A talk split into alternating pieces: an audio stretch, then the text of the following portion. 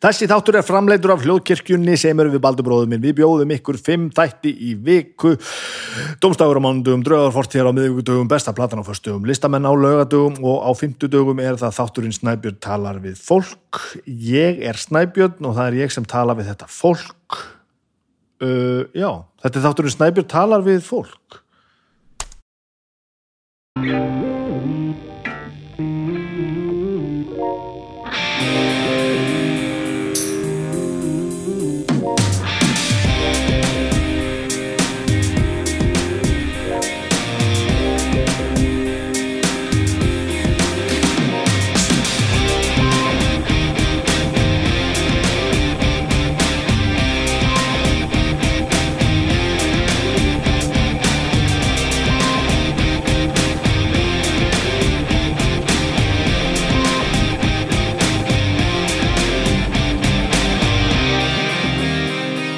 Komið sæl, velkomin í þáttinn minn Snæbjörn talar við fólk, hlustið, hlustið. Það er lætinn. Það er svo mikið veður hérna. Það er svona, e, já, það er ekki allt sem mæli með því að taka upp uh, viðtalsætti í, í, í heima hjá sér í, í, bórstöðuborðið, við eldursborðið. Það er til dæmis ekkert sérstaklega hljóðið nokkra hérna, sko. Og nú bara stendur vindurinn lóðbent upp á rúðuna og þið fáið bara umhverjusljóðin inn. Það verður bara að vera þannig og þið heyrið það að ásmöndur er nýfarin hérna og við vorum að spjalla og það hlýtur að leka slatta veðrin á mækana. Bróðu mínum til Mikils Amma hann verður kannski búin að filtera svolítið af þessu út þannig að þið heyri minna heldur en ég heyri hérna í headphone-unum hjá mér akkurat núna.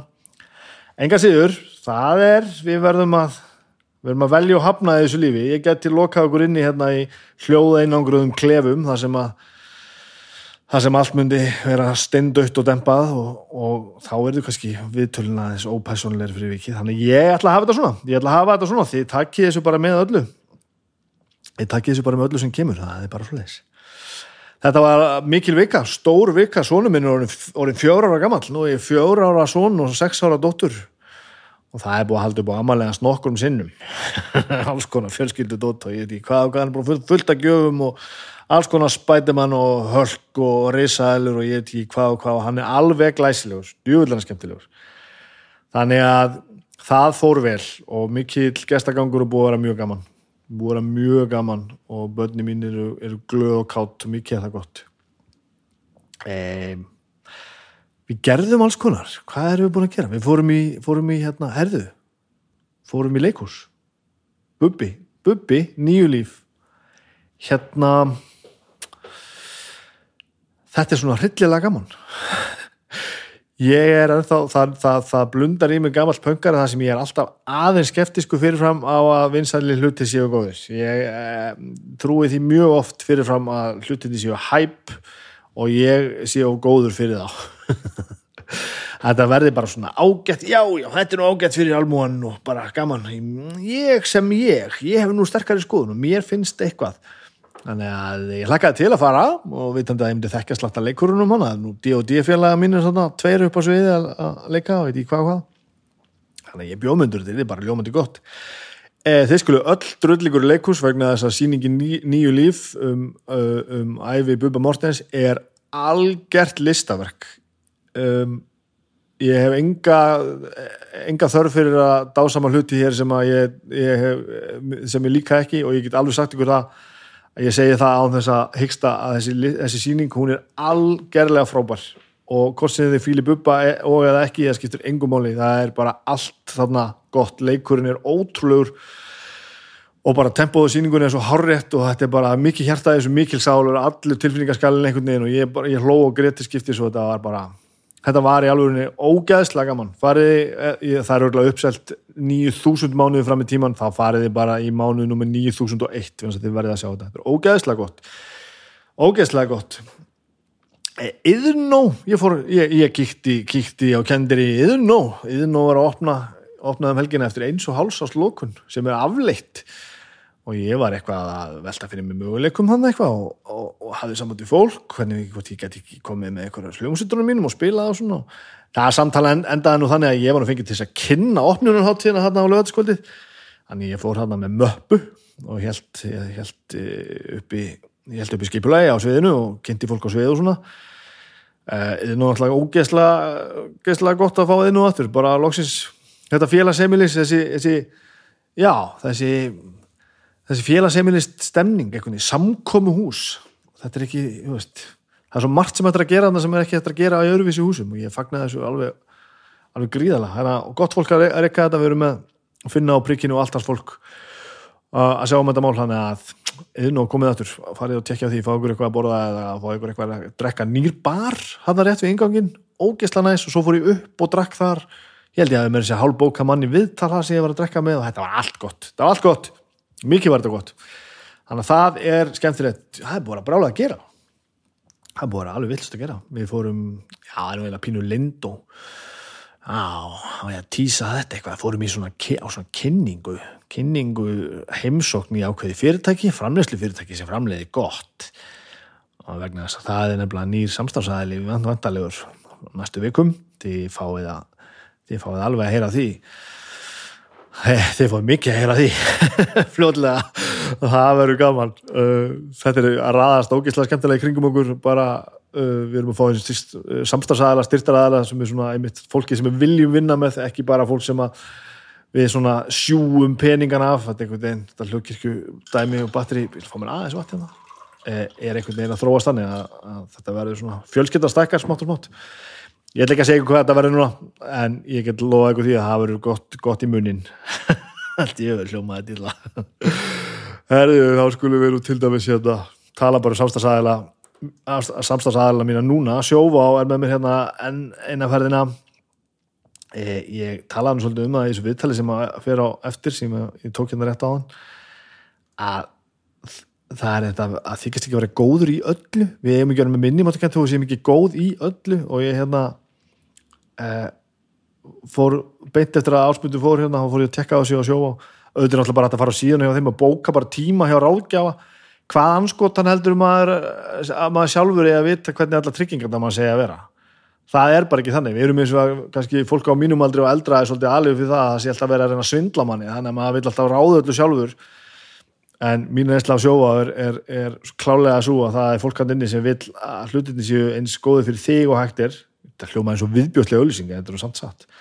Þannig að auðvitað, auðvitað er það það sem maður á að gera bara panta eh, panta tíma hjá ráðgjá hér er búið búið upp á símtöl og fjarfundi og teams í því hvað og hvað þannig að þið getur farið á sjóa og valið þeirra að bóka tíma eða farið bara á netspjalli sem er alltaf uppáldið mitt og bóka tíma og fengið eh, allar heimsins ráðlíkingar um það hvernig þið höndla með tryggingar ykkar þannig að gerði það, sjóa.is algjörlega, Simil Pay er hérna aftur og enn. Og e, akkurat núna ætlar The Skir Factory að bjóða allar skálar og búst á þúsund krónur. Og þetta gengur engöngu í gegn eða pantar og greiðir í gegnum Simil Pay appið. Það er nú þannig um og þetta er sem sagt nýtt tilbúið hverju viku og þetta byrjar á þriðudugum þannig að þetta er í gangi nú þegar byrjar síðasta þriðudag og er út næsta mánudag. Skýrfaktor í alla skálar og búst á þúsund kall farið og náið ykkur í appið. Ég noti þetta daglega til að leggja bílum mínum og gera hitt og þetta alls konar hluti sem að fá þetta með ótrúlegum ótrúlegum afslætti, þetta dreifa greiðslum og gera hitt og þetta. Og þið eru ekki bundin að því að vera hjá okkur síma fyrirtæki eða korta fyrirtæki en okkur skapaða nött, þetta er bara appsiðins ekkið og allt er klart og þá fáið þið ódýrari hluti heldur en þið gerir ekki. Hm, áhugavert. Þetta vorum samstagsaðalindur í dag. Mikið er þetta gott. Þúsund kall já. Vá, nú er ég svona, bara áriðin þessi svona ölsingakall, bara eitthvað að lesa hérna. Já þetta, þetta, þetta er geða tilbúð skýrfaktori bjóða allar skálar og búst á þúsund kall. Næs. Flottur ég, bara eitthvað að tauta hana við sjálfum við eldursporið, heyrið ég rókinu, djúfullega kvast maður. Heyrið, heyrið, heyrið. Það fyrir nú að líða þessu viðtali bara. Uh, já, eitt sem ég langar að minnast á því kemur ljótu halvutandur að spila á græna hattir um 8. og 9. oktober það er náttúrulega bara svo það er. Það er alltaf hryllilega gaman, nú er ekki neinar fyrir séðar uh, takmarkanir að nokkuð skapaða lötur og við erum ægilega þistir og ægilega stuði og það verður ægilega gaman. Ég held þetta séu, er þetta ekki tveitaðar 8. og 9 ef þetta er meira þá finnir það inn á ég held að þetta séu bara tveitar bara stríð, alin og frekur farið allavega inn á grænihattur.is það getið panta ykkur miða og því sem ekki þekki til því kannski áttu ykkur á því vonandi núna að það verður að panta sér miða því að þetta selst alltaf upp með talsverðu fyrirvara og þetta er nú ekki langt í það núna 8. og 9. oktober komið og, og syngið og drekkið með okkur á græna hattinum því það er gaman það er gaman Nú ætlum ég að fara að sleppa ykkur í viðtalið sem ég átti hérna við um, hann Ásmund Einar. Um, það er svolítið pólitík hana fremst. Er reynda mjög áhuga að vera pólitíka því við erum að tala um, tala um hérna tala um þessar pælingar í sambandi við, við, við, við uh, málbarna og allt saman, hvernig hann hefur komið að því og græðað og gert, hann fór svolítið á flug eins og stjórnmálamæður stjórnmálaði mig svolítið í, í kaf hérna og ég þægði bara svolítið og horfið á hann. Hann, hann, hann, hann, hann, var skaman að tala tala hratt og var ekkert endilega alltaf að gera pásu til þess að sleppa mér neitt inn í þetta og ég leiður bara svolítið að gera það, en þið heyrið það svo fljóðlega hann þegar bara fljóðlega eftir að líður á vittalið þá svona, þá svona fyrir þetta í aðra ráttir og við áttum mjög djúft og skemmtileg spjallum tveir svona menn að finna sig á ósvipuðum stað í lífinu. Þetta var mjög hérna það var mjög skemmtilegt að komast að því og þetta endaði með að vera ógeðslega gaman. Svo sáttum við hérna smá tíma og spjöldum eftir og bara, já, við tengdum helviti vel. Þetta var gott. Ég er að hætta þessu tuði hérna, þeir skuli hlusta á mig og ásmund við eldursporið hérna rétt á það bara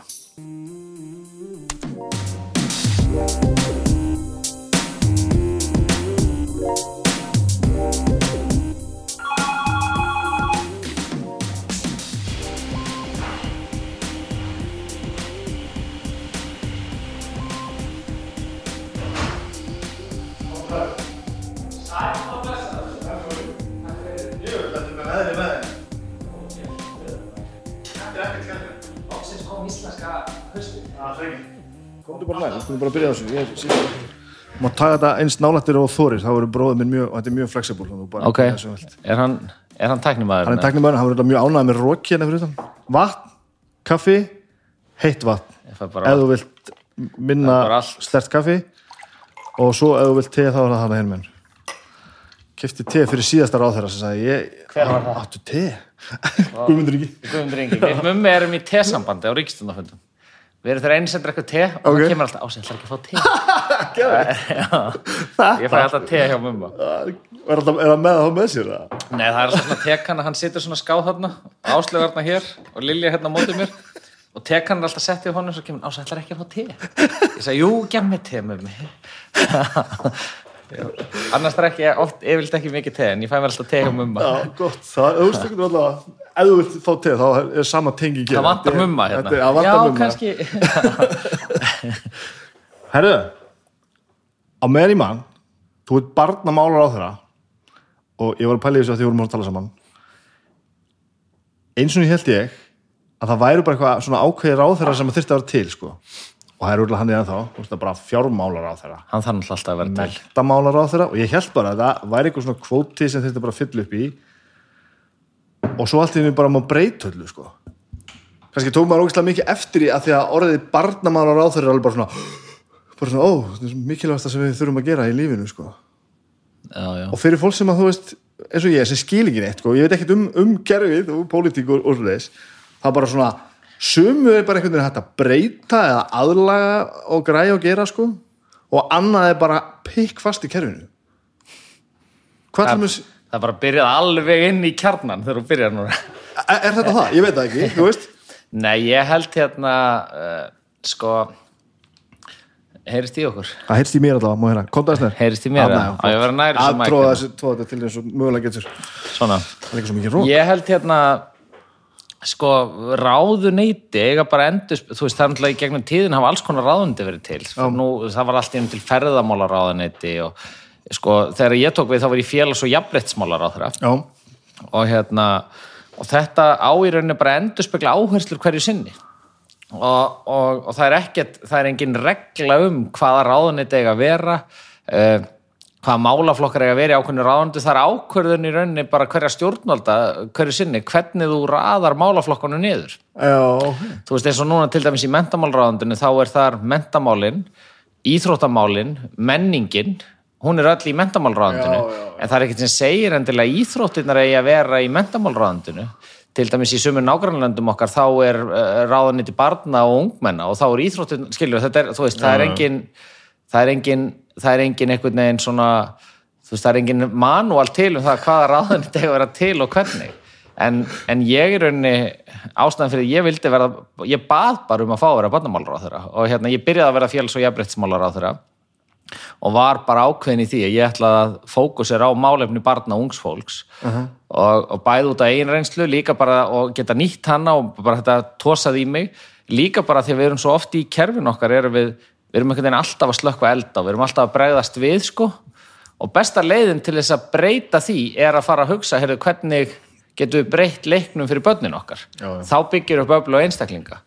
Og þess vegna fór ég til Katrínar og míns formans Sigur Inga og sagði, herðu, hérna getum við ekki breytt þessu? Mér, hérna, væri ekki bara fínt að jafnbreyttismálin færu bara til Katrínar og myndu flytjast og ég fengi badnamál og myndum bara ákveða að við færum í ákveðna vinnu sem væri hérna endurskipulegja þjónustukerfið og taka réttindi badna og, og, og svona gera eitthvað grundvalla, gera grundvalla breytingar þannig að við næðum að hérna, þannig að við getum tekið svona grundvalla breytingar, stór skref sem myndi þýða að það er besta land í heima að vera badn eftir tíu ár. Af því allt er þetta langtíma breytingar sko og hérna, og þau fjallust á það. Katrín bara fannst þetta góð hugmynd og, og, og, og Sigur Ingi sagði svona jú, jú, jú, þetta er bara fínt á sig það veist, en ég held að hann hafi fundist þetta eitthvað hálfa asnalegt veist, en, hérna, en hann er svo hérna, að hann er bara veginn þannig hann, hann bara treystir fólki og segir já, segir ef þetta tósar í þig þá er það bara fínt. En þetta þig. þetta verður alveg til þannig að þetta er eitthvað sem þér dettur bara í hug og þú fyrir bara og berði þetta á borð fyrir fleiri og þá er þetta ákveð bara, já, já, gerum þetta bara. Já, þá var ákveðið í rauninni að, að jafnbrettismálinn flyttust yfir. Og við vorum reyndar að gera smá aðra breytingar í leiðinni þarna. Og hérna, en, en það var að koma hérna, mannvirkjamáli og flytta svo umhverfis yfir í, í félags og þú veist, það var eitthvað svona smá verða að breyta fleiri málaflokkum. Aha. en þetta var í rauninni, já, þetta gerðist bara svona. Og, og það var enginn sem að það var enginn sem að ráðlaði það einhvern veginn að verða badnamálar á þeirra og, og það fannst þetta öllum hálf astnalegt hvert þú að koma hérna landsbyða pólitíkus og bara byggjum að vera badnamálar hvað, auglýsingamæðurinn mér náttúrulega elskar þetta sko bara Já. orðið er bara, þú veist, þú, þú ert bara automatist búin að fá Já. fólk til þess að elska þig sko Já, en það var samt ekki, þú veist, hugsun hugsunum var meira að, hérna, hugsunum var meira bara að leggja pólitíska áherslu á þetta Já. og líka að því að þú veist, þarna vorum við búin að marka ákveðin skref sem mér langaði til þess að stíga bæði varðandi varðandi breytta umgjör þegar við komum að því hvernig við grípum börn, þjónustum barnafjörskildur, grípum jaðarsett börn þegar það verður eitthvað svoleiðis tilvik sko, vegna þess að, að það gerist í lífinu hjá öllum, misoft og mismikið. Og þar þyrftum við bara raunverulega breytingar sem við drægjum alla borðinu með. Og svo líka þegar kemur réttindum og röddum barna, þar þurftum við líka að stíga fastar, fastar inn og hugsunin hjá mér var svolítið bara að, að, að, að, segja ég ætla leggja áherslu á þetta bara til þess að setja pressu á sjálfan mig og allt kerfið, þá ætla ég að gera þetta þá ætla ég að leggja þetta undir þarna, bara allt á 21 sko, og bara keira þetta sko og, og sjá bara svo hvað gerist sko. það er, þú veist, að því maður er búin að horfa maður er búin að horfa á, á stjórnmálinu og ég hef tekið þátt í alls konar slögum og þú veist, verið í átökum og hitt og þetta og var að hugsa líka hvað hva getur við komist langt með stórar breytingar ef við myndum bara leggja einhvern veginn allt undir á það á einu kjörtífambili og við náðum ímsu og hérna en, en, en, en, en ekki nógu, það er hérna mér finnst við ennþá þurfað þannig að hérna þannig að þetta, þetta eiginlega æxlaðist bara svona, þetta var ekki þetta var ekki og meira sem var gert grína þessu sko, það var Brynja Níelsson hérna bloggaði eitthvað á, og talaði um að uh, hann kynni nú vel við mig sem ráðherra og ég var í fýtt drengur en, en hann getur nú sent vanist þessu nafni og, og það þyrft ekki rólof allar ráðherra á Íslandi, það væri nóga rólof öllum í Reykjavík og eitthvað svona, veist þetta, skrifaði þetta Já. Þannig að þú veist að það hérna einhvern veginn þú veist, þetta er þetta er hérna en, en þetta er og, og síðan fórum við bara staði í þess að vinna og hugsunin mín var að, að reyna að tengja að því mig langaði til þess að, að búa til í rauninni kerfi sem myndi grípa börn, grípa aðstofa fjölskyldur þegar eitthvað bjátar á, þegar eitthvað hvort sem að er eitthvað sem gerist í bara, uh, þú ert fadir, það ekki? Jú. Já, eitthvað sem gerist, hvort sem það er eitthvað sem gerist í þínu lífi sem hefur áhrif á barnið eða eitthvað gerist hjá barninu þú, bara gefum okkur, ef eitthvað myndi gerast ef að þú myndir, hérna, ef það verður óbeld á heimili eða, eða það verður tímabundin áfengisvandi eða geðrætmandi eða hvað sem það er eða bara börn sem að fæðast með einhverjar, uh, einhver frávik og, og, og, og þarnast þjónustu þá er kerfið rosalega flóki og við grípum í rauninni rosalega sent inn í og það er rosalega tilvílunarkent hvenar er gripið inn í og hvað er gripið inn í. Það er rosalega mikið undir komið bara skólanum og hverjum stað uh, fjölskyldunni sem að þú átt til þess að umvefja þig versus önnur fjölskylda sem er kannski í allt annari stöðu. Og, og þetta og endalösa sögur af því þegar að börn er að falla á milli kerfa og foreldrar þurfa að flakka á milli eins og þessi fastir í völundarhúsi. Og þetta var það sem ég langaði til þess að breyta. Þetta var það sem dró mig áfram. Vitandi það að og sjálfur svolítið hérna sjálfur kannski svolítið lokaði með það og vitandi það að, að þetta hefur rosalega áhrif síðar meir Já. bara það sem gerist í æskunni og hérna og ef að við sem samfélag getum gripið þar inn í þá erum við kannski að koma í veg fyrir uh, ekki bara uh, ekki bara áhrifin á líf þessa einstaklings heldur áhrifin sem að hann síðar mun hafa fullt af öðrum einstaklingum Absolutt, já. og síðan fyrir fjárhag ríkisins og það er í rauninni hérna þannig að þess vegna þess vegna hérna og þess vegna fórum við reyndum að draga alla borðinu, alla stjórnmálaflokka byggum til þverrpolítíska hérna, þingmannanemnd sem svona helt utanum e, þessa vinnu tengdum öll ráðuneyti e, sveitarfélag inn í það og svo var allt í hennu komið bara eitthvað annað þúsund manns einhvern veginn að vinna í einhverjum breytingum sem voru bara svona og það var svo gaman að finna kemíinu í því sko. Að því að, að, því að ég var bara með þessa hugsun, ég ætla að ná einhvern veginn utanum þetta. Og þú veist, að, að því að stjórnmálamærin hann á ekki að hafa ef, þú veist, stjórnmálamærin sem segir við ætlum að gera þetta nákvæmlega svona það er einhvern veginn að því að það, það, það, það getur aldrei verið þannig að að það þarf alltaf þú þarf alltaf rattir fleiri aðila. Mm -hmm. og ef þú getur sett fólk saman og rætt þegar við ætlum að fara í þessa átt þá slípast hlutinni til það er bara sem að færa eitthvað hugmynd og segir, ég ætla að gera þetta nákvæmlega svona. Svo ferðu að tala við konuna og tala við frændaðinn og skilur hinn og þess og þá breytist hlutirnir mm -hmm. og þannig verða góðar, góðar hugmyndir að, að, að betri lausnum. Og síðan fer að fæðast bara þessi nýja lögjöf í þessu samtali og samvinnu og ný lögjöf þar sem við erum bara, hérna, var samþygt núna í vor sem er í mínum huga að því að það fengið svolítið mikla aðtekli okkur tókst að leggja niður pólitíska barnavendanemdir en það er í rauninni litla málið í mínum huga. Okay. stóra málið er þessi nýja heldarlaugjöf sem er í rauninni að gera það verkum að við erum að búa til þjónustu kerfi fyrir börn þvert á öllönnu kerfi. Og sem, sem virkar þannig að, að eh, við þrepa skiptum öllu, allri þjónustu við börn þegar að bann, og nú erum við að skrifa reglugerðir og útfæslur á þessar lögju, hvernig hún á að virka og svona og þegar að bann er einhver starf til að mynda í grunnskóla og það er jáðar eða það koma hérna e, þá, á, þá á skólinn að sjá um ákveðna skimanir fyrir ákveðna hlutum. E, hann á að grípa bannið og fjölskyldu þess og ef að það þarnast ykkur á þjónustu þá að málega fara upp á annar stig í kerfinu, svolítið svona eins og almannavarnakerfi. Mm -hmm. ef við bara barn í vanda er bara eins og hérna, er bara eins og uh, bara eldgós þú veist, þegar það er, þá ferir þetta upp á appisnugullstig og rautstig og þá ferir þetta upp á annar stig í kerfinu og þá á að, þá eiga öll, allir aðilar í kerfinu að koma saman að borðinu, bara við výmyndum okkur við sittum við þetta borð hérna, við erum með hérna eitt barn í miðjunni, þá erst þú heilbriðs þjónustan, ég er félagsþjónustan, svo er fjölskyldan við borðið, skólinn íþróttafélag, bara þeir sem að þarnast svo sittast fulltrúar þessara kerfa allir saman, skipulegja það er sett um málastjóri, tímabundin yfir málið til þess að leysa úr vanda þessara fjölskyldu. Og, og þetta er í rauninni, og svo geta mál farið upp á þriðjastig og þá þarf yngripp, einhver svona dýrari yngripp skiljur, þá erum við að tala um stærri yngripp, það er einhver svona þriðjastigs þjónusta.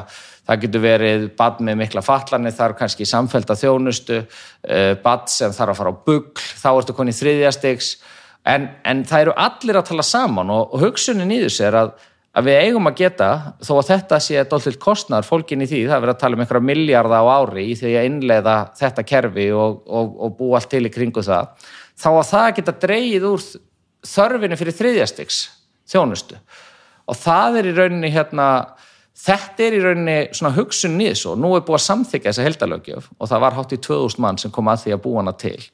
Uh, og nú erum við undirbúið að fara í innleðing á henni og það á að taka eitthvað 2-3 ár af því að þetta er risa, það þarf að fara inn í alla skóla alla leikskóla, alla, alla framhaldsskóla, alla félagsstjónustu það þarf að heilbriðstofnanda með í því að fara inn í þessa nýju hugsun og hérna og, og það má kannski líka þessu svolítið við mér finnst, sko, þegar við erum að tala um kerfin okkar, þá má líka þessu svolítið við sko slökkvilið. Við erum með við erum alltaf að rýfast í fjölmiðlum og í pólitíkin og allt um hvað við hefum marga slökkubíla. Það er þessi þriðjastegs úrræði veist, sem eru bara hvernig grípum við inn í þegar allt er komið í veist, en við erum með rosalega lítið af reikskinjurum og eldvarnateppum og eldvarnanámskeiðum og öllu þessu. Og við erum svolítið að taka þetta í gegn út frá þessu og það, hérna, og það, er, það var mitt hugafóstur vegna þess að það er hérna þar finnst mér samfélagi geta bert, gert betur og, og ég hef oft velti fyrir mér þegar bara ég var barn að það hefði verið hægt að gera svo margt og það þarf oft ótrúlega lítið til þess að aðstóða barn í, í krefjandi aðstæðum til þess að búa til seglu í því þannig að það leiðist á rétta braut síðan mér. Það er, þetta er ótrúlega, manneskjan er í raunin alveg ótrúlega næjusöm að því við erum alltaf að hugsa, heyrðu, hvernig getum við gert hvernig getum við komið barnið til manns? Og það er ótrúlega lítið sem það að gera ef það gerst snemma. Og besta dæmið er bara hérna Björgun Páll, handbóltamarkvörður því hann hefur sagt sögu sín og við erum ágætis uh, félagur og hann hefur verið að fylgjast með þessari vinnu hann hefur, hann uh, ólst upp við erfið æsku og hefur skrifað um það bækur og, og gert það vel um, og verið að glíma við það uh, að vinna á sínum málum eftir því sem, að, lí- eftir því sem hann svona eldist og þroskast. Hann sagði sko, það sem bjargaði mér var að ég var bara í íþróttum. Ég hafði íþróttafélagið. Og þá hugsa maður, þetta er ekkert mikið. Það þarf ekki eitthvað alveg massíf inngrip en bara eitthvað svona eitt einn fastur punktur, einn örugur staður einn hópur til þess að tilheyra. Einhver ægi, einhver staðar, eitthvað Já, aðhald eitthvað aðhald og svona, það getur oft bara, og það er það sem að við þurfum að hugsa, hvernig getum við skotið því inn fyrr, að því að því miður verður það alltaf þannig að, að, að við foreldrarnir, við glýmum við alls konar og börnin glýma við alls konar og, en, en, og það þarf ekki að taka öll börnin af foreldrunum, það er mikill miskilingur, en, en foreldrarnir vilja þjónustu og þeir vilja hjálp og þannig getur við rofið oft því að það er oft talað um svona keðju, hvort sem er áfallakeðja eða, eða fólk elst upp við erfiðar aðstæður og svo endar það alveg eins bara svona einhvern veginn og það er oft, og þarna er best að rjúfa hana sko. Og, og það er það sem að það er það sem að heillar mig og tósar í mig í, í, í þessu pólitík og miklu meira heldur en ég hefði trúa þegar ég fór inn í félagsmálarandi og, og var bara skelkaður yfir því hvert ég væri komin og hvort ég myndi valda þessu og, og í rauninni bara með efasemtur um að ég gæti það sko. En þetta er samt svolítið annað en það, þetta er miklu fókusar einhvern veginn. Þú ert búin að búa til svona einhvern veginn, að því að eitt sem vinnur með þér hérna núna í þessu sko, nú er ég ekki kostningapælingum, þetta er bara svona almennt, að það er rosa auðvelt að skilja þetta. Þú er bara með, er bara með rosalega afmarka mál sem að bara allir eru sammála um að þurfa að vera einhvern veginn og það er mjög auðvelt að tala með þetta, maður finnur það strax, það er bara svona gaman og svona intriguing að þú veist að, að, að tala um þetta. Og maður velti líka fyrir sér sko væri þetta sniðut sem staðar annars staðar? Að því mér líður stundum eins og við séum að tala um svo breið mál -hmm. og það á veginn að leysa allt í einu sko. um leiðu þú ert búin að taka þetta úr þessum búning sem er eitthvað félags eitthvað og þú ert búin að segja mér uh, við ætlum að reyna að redda því að börn sem eiga erfitt hafi það minna erfitt. Og ég bara, ég skil þetta.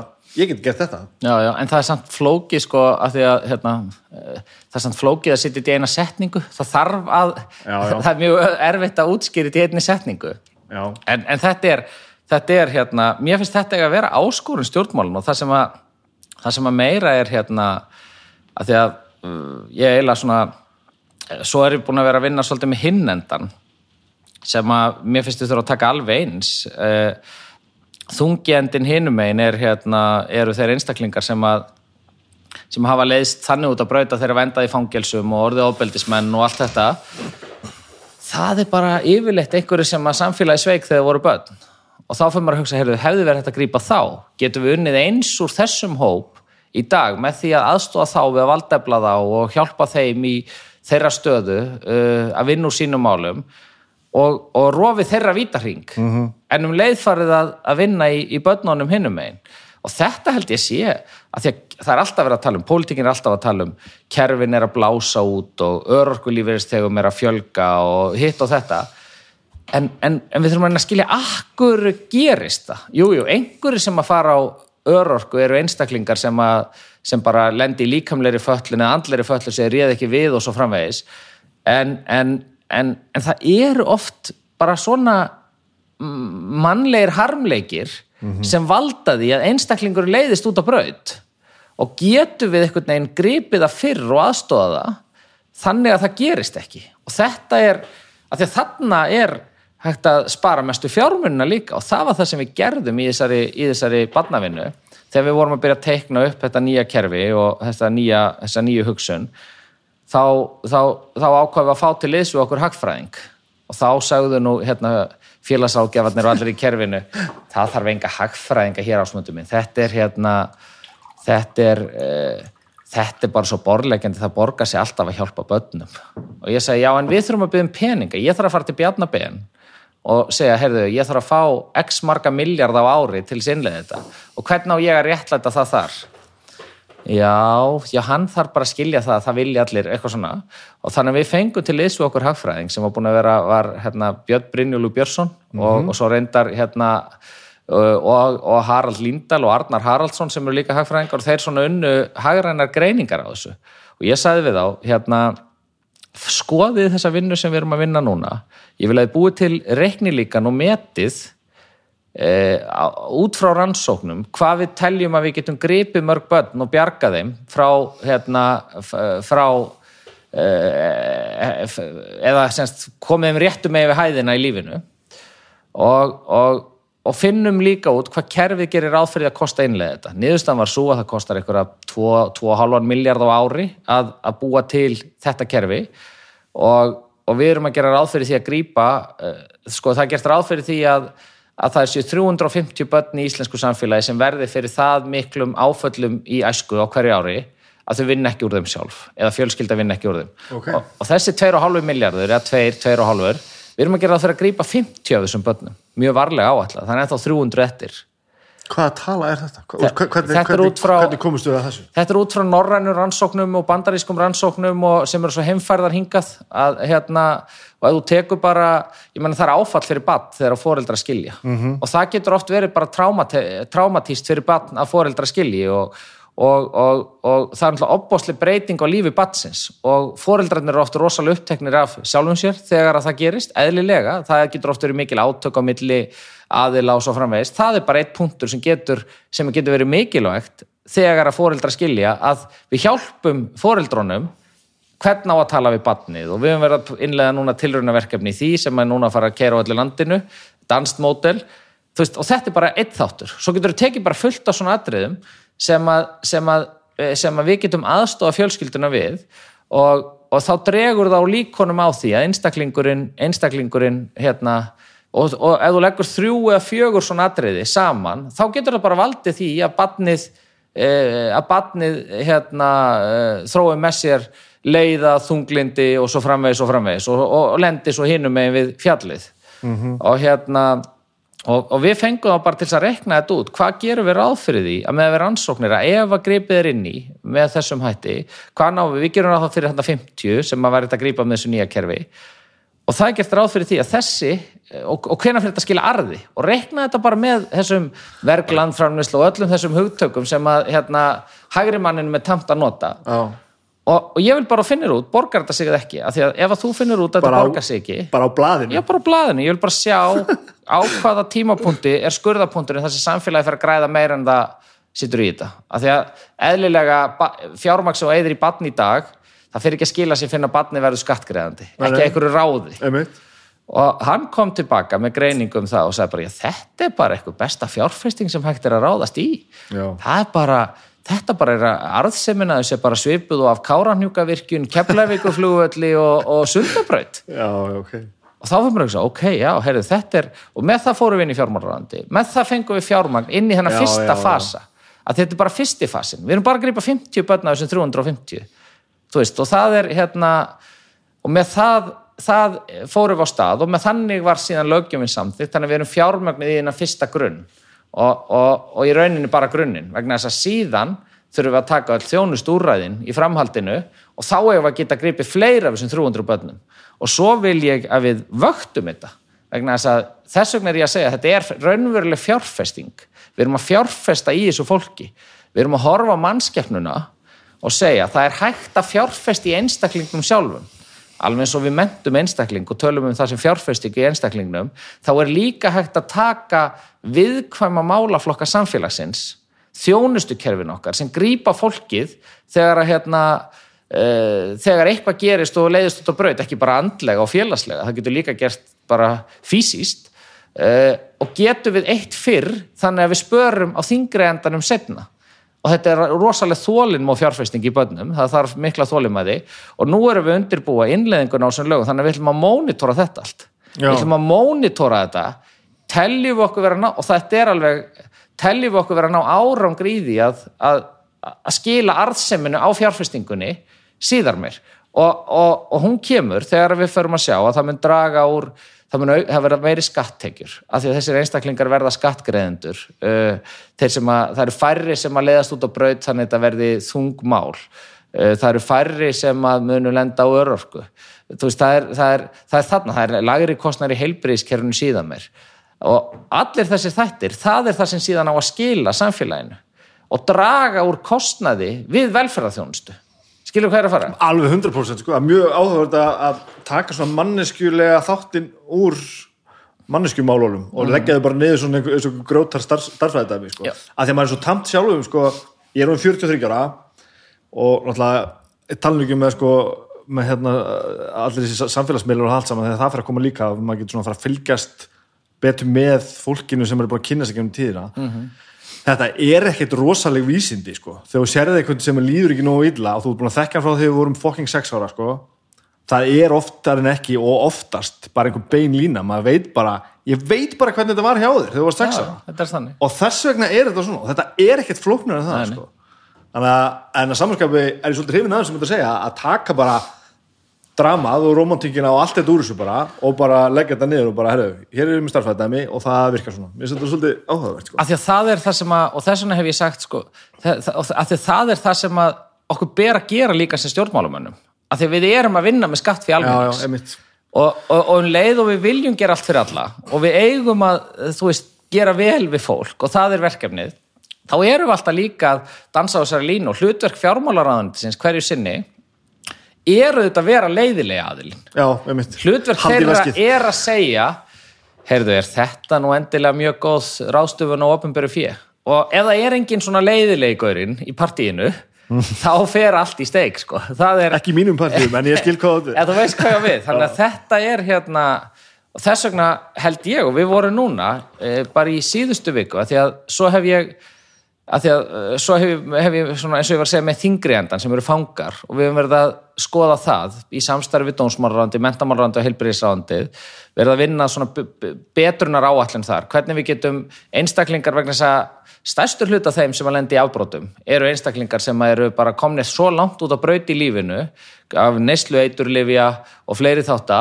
að, að, að þetta er ekkit endilega vond fólk Það Lang- það- það lang bara- sjaldnast, sko. lá- yfirleitt er þetta bara það gott fólk að það hefur bara einhvern veginn leiðst þannig út á brauð Já. og þegar þú ferð að skoða þeirra þe- þessara einstaklinga og ferð að, ferð að komast inn fyrir skjöldin hjá þeim og ræða uh, hvernig æskan var og lífið og allt þetta þá kemur þessu sem þú ert að segja bara og maður hugsa, heyrðu, hvernig mátti bara vera þetta er svo undarlegt sko þetta er svo undarlegt, hvernig mátti vera þessi einstaklingur uh, leittist svona út á uh, en hvernig mátti annað vera en að hann leittist út á absolutt. Og, og, og ég hef svona hérna, verið hérna, og hef haft áhuga á því að skilja þennan enda. Og, og erum núna búin að búa til uh, höfum verið að stíga betur inn í og halda utanum einstaklinga þegar komur áplónun það er nýbúið að setja upp sérstætt batahús þar sem að þeir geta komið uh, er svona semi-félagslegt úrræði þar sem þeir geta búið í ákveðin tíma eftir afplánun líkur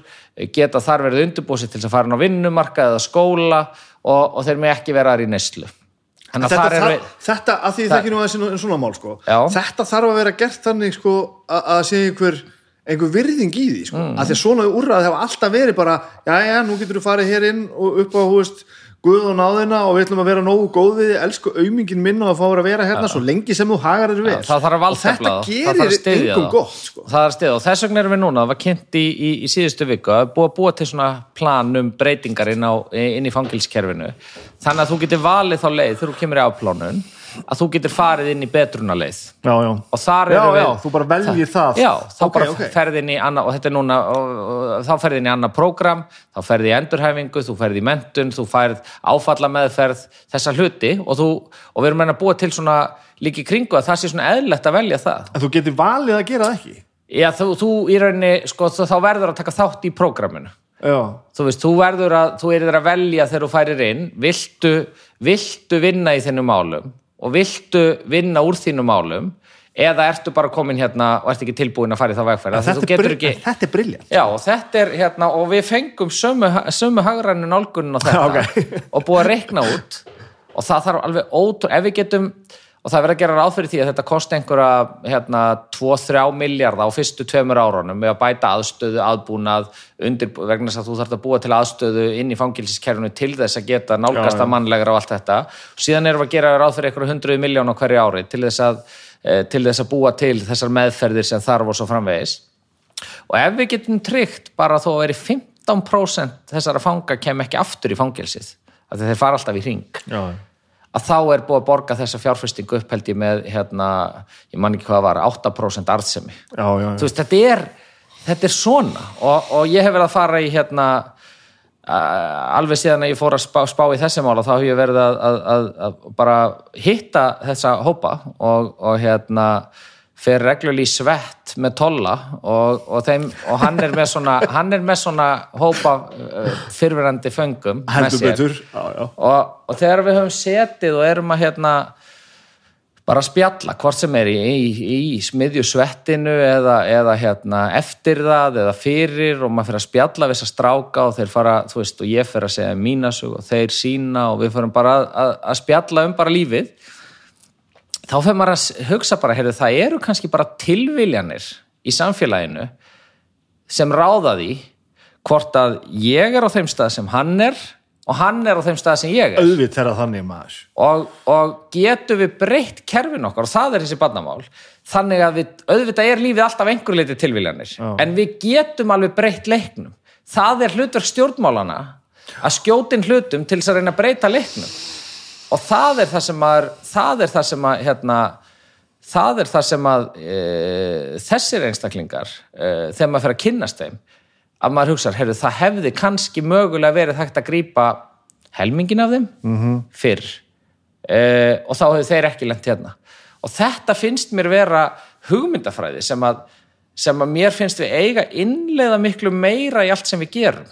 Það er að fara að horfa á þetta sem fjárfestingu en þá þarftu líka að vera tilbúin að mónitora það sem fjárfestingu og þá þarf að færa fjármagni fyrr. Ég myndi helst vilja að við byggjum til fjárfesting áallin fyrir fólk þar sem við tækjum bæði félagslegan, andlegan og líkamlegu þættina. Það er alveg nákvæmlega eins að þú tekur helbriðiskerfið. Við erum með allt og mikið af fólkin í helbriðiskerfinu, þá er ég að meina sjúklingum, sem eru í þungum úrræðum en við hefðum kannski getað gripið á fyrr með aukin áherslu á líðhelsu, við erum núna að sjá verkefni eins og í, eld, í málefnum eldra fólks þar sem að verið er að hérna, stöðla aukinni hreyfingu eldra fólks. Og það er náttúrulega rosa félagslegt líka. Uh, og allt þetta uh, skila sér í því að einstaklingur getur búið lengur heima, hann fyrir síður nýti sér síður læknistjónustu þarna síður livja sem eru niðugreita fyrir ofinbera og fara alltaf fram yfir á hverju einast ári. Og, og þetta, en, en að geta tekið það og kannski út fyrir sviga í amstri stjórnmálana og hugsa þetta svolítið, við gerum þetta öðru sveim, við búum til samgöngu áætlun, við búum til byggða Já. við búum til fullt af svona, og þetta væri draumurinn minn að við myndum búa til einhverja svona fjárfesting áætlun fyrir fólk og rættum hana og mónitoruðum svo árangurinn. Þú veist, getum við mögulega lagt meiri áherslu á endurhæfingu og, og sjúkraþjálfun og e, líkamlegt helbrið og dreigið þannig úr kostnaði síðan mér og mónitorið einstaklingana sem kom inn í það og reiknað út hver vænt staða þeirra hefði verið ef þeir hefði ekki farið inn í prógramið Já.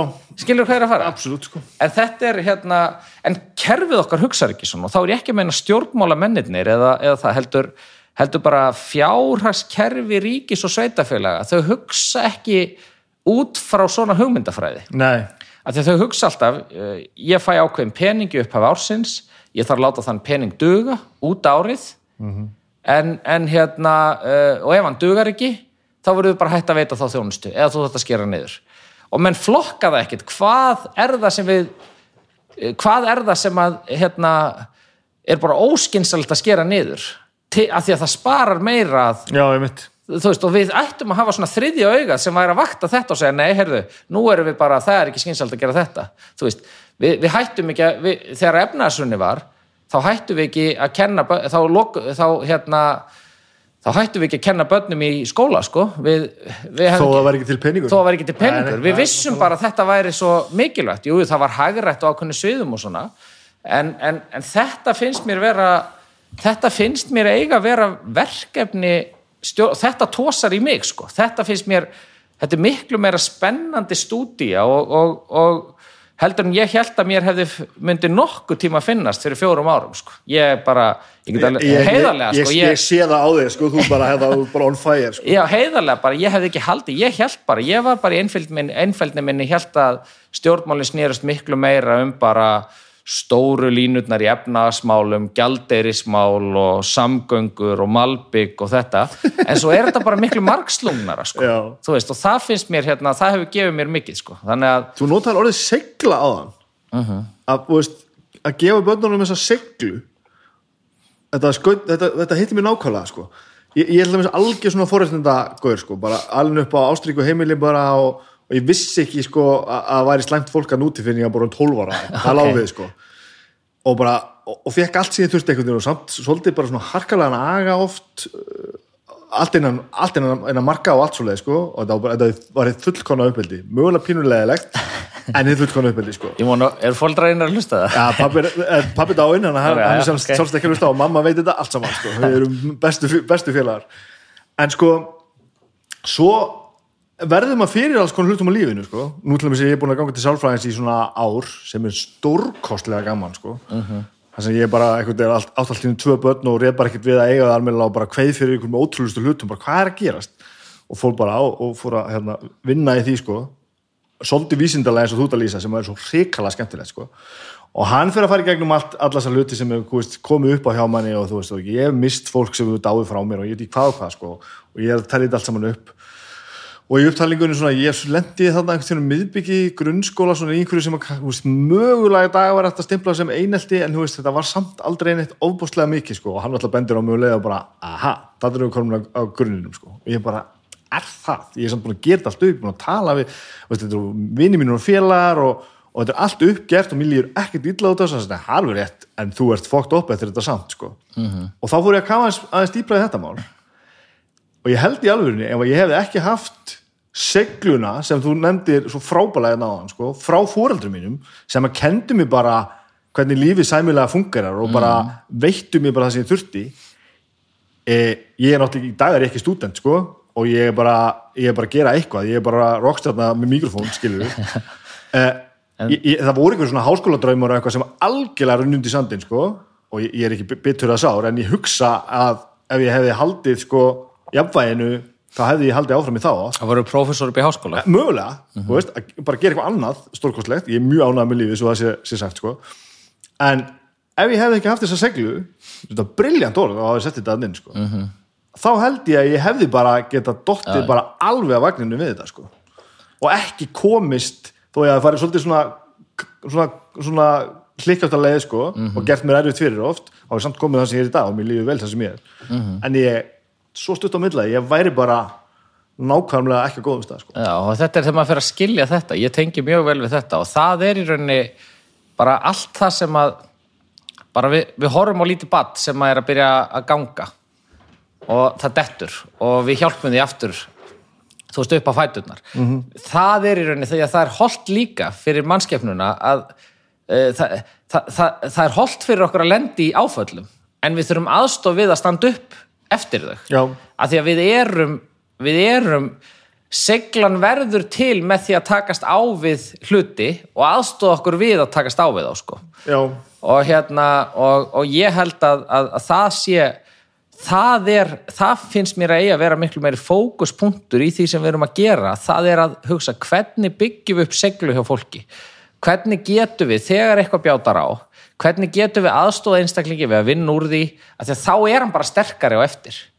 Þá styrkist hann jæmt og þétt að því að, að við lendum öll í áföllum. Ég meina það er bara lífið Það- er og það þannig. á að vera og þannig. það á að vera þannig. Og við höfum aldrei að reyna að segja okkur að við getum komið í veg fyrir öll áföll.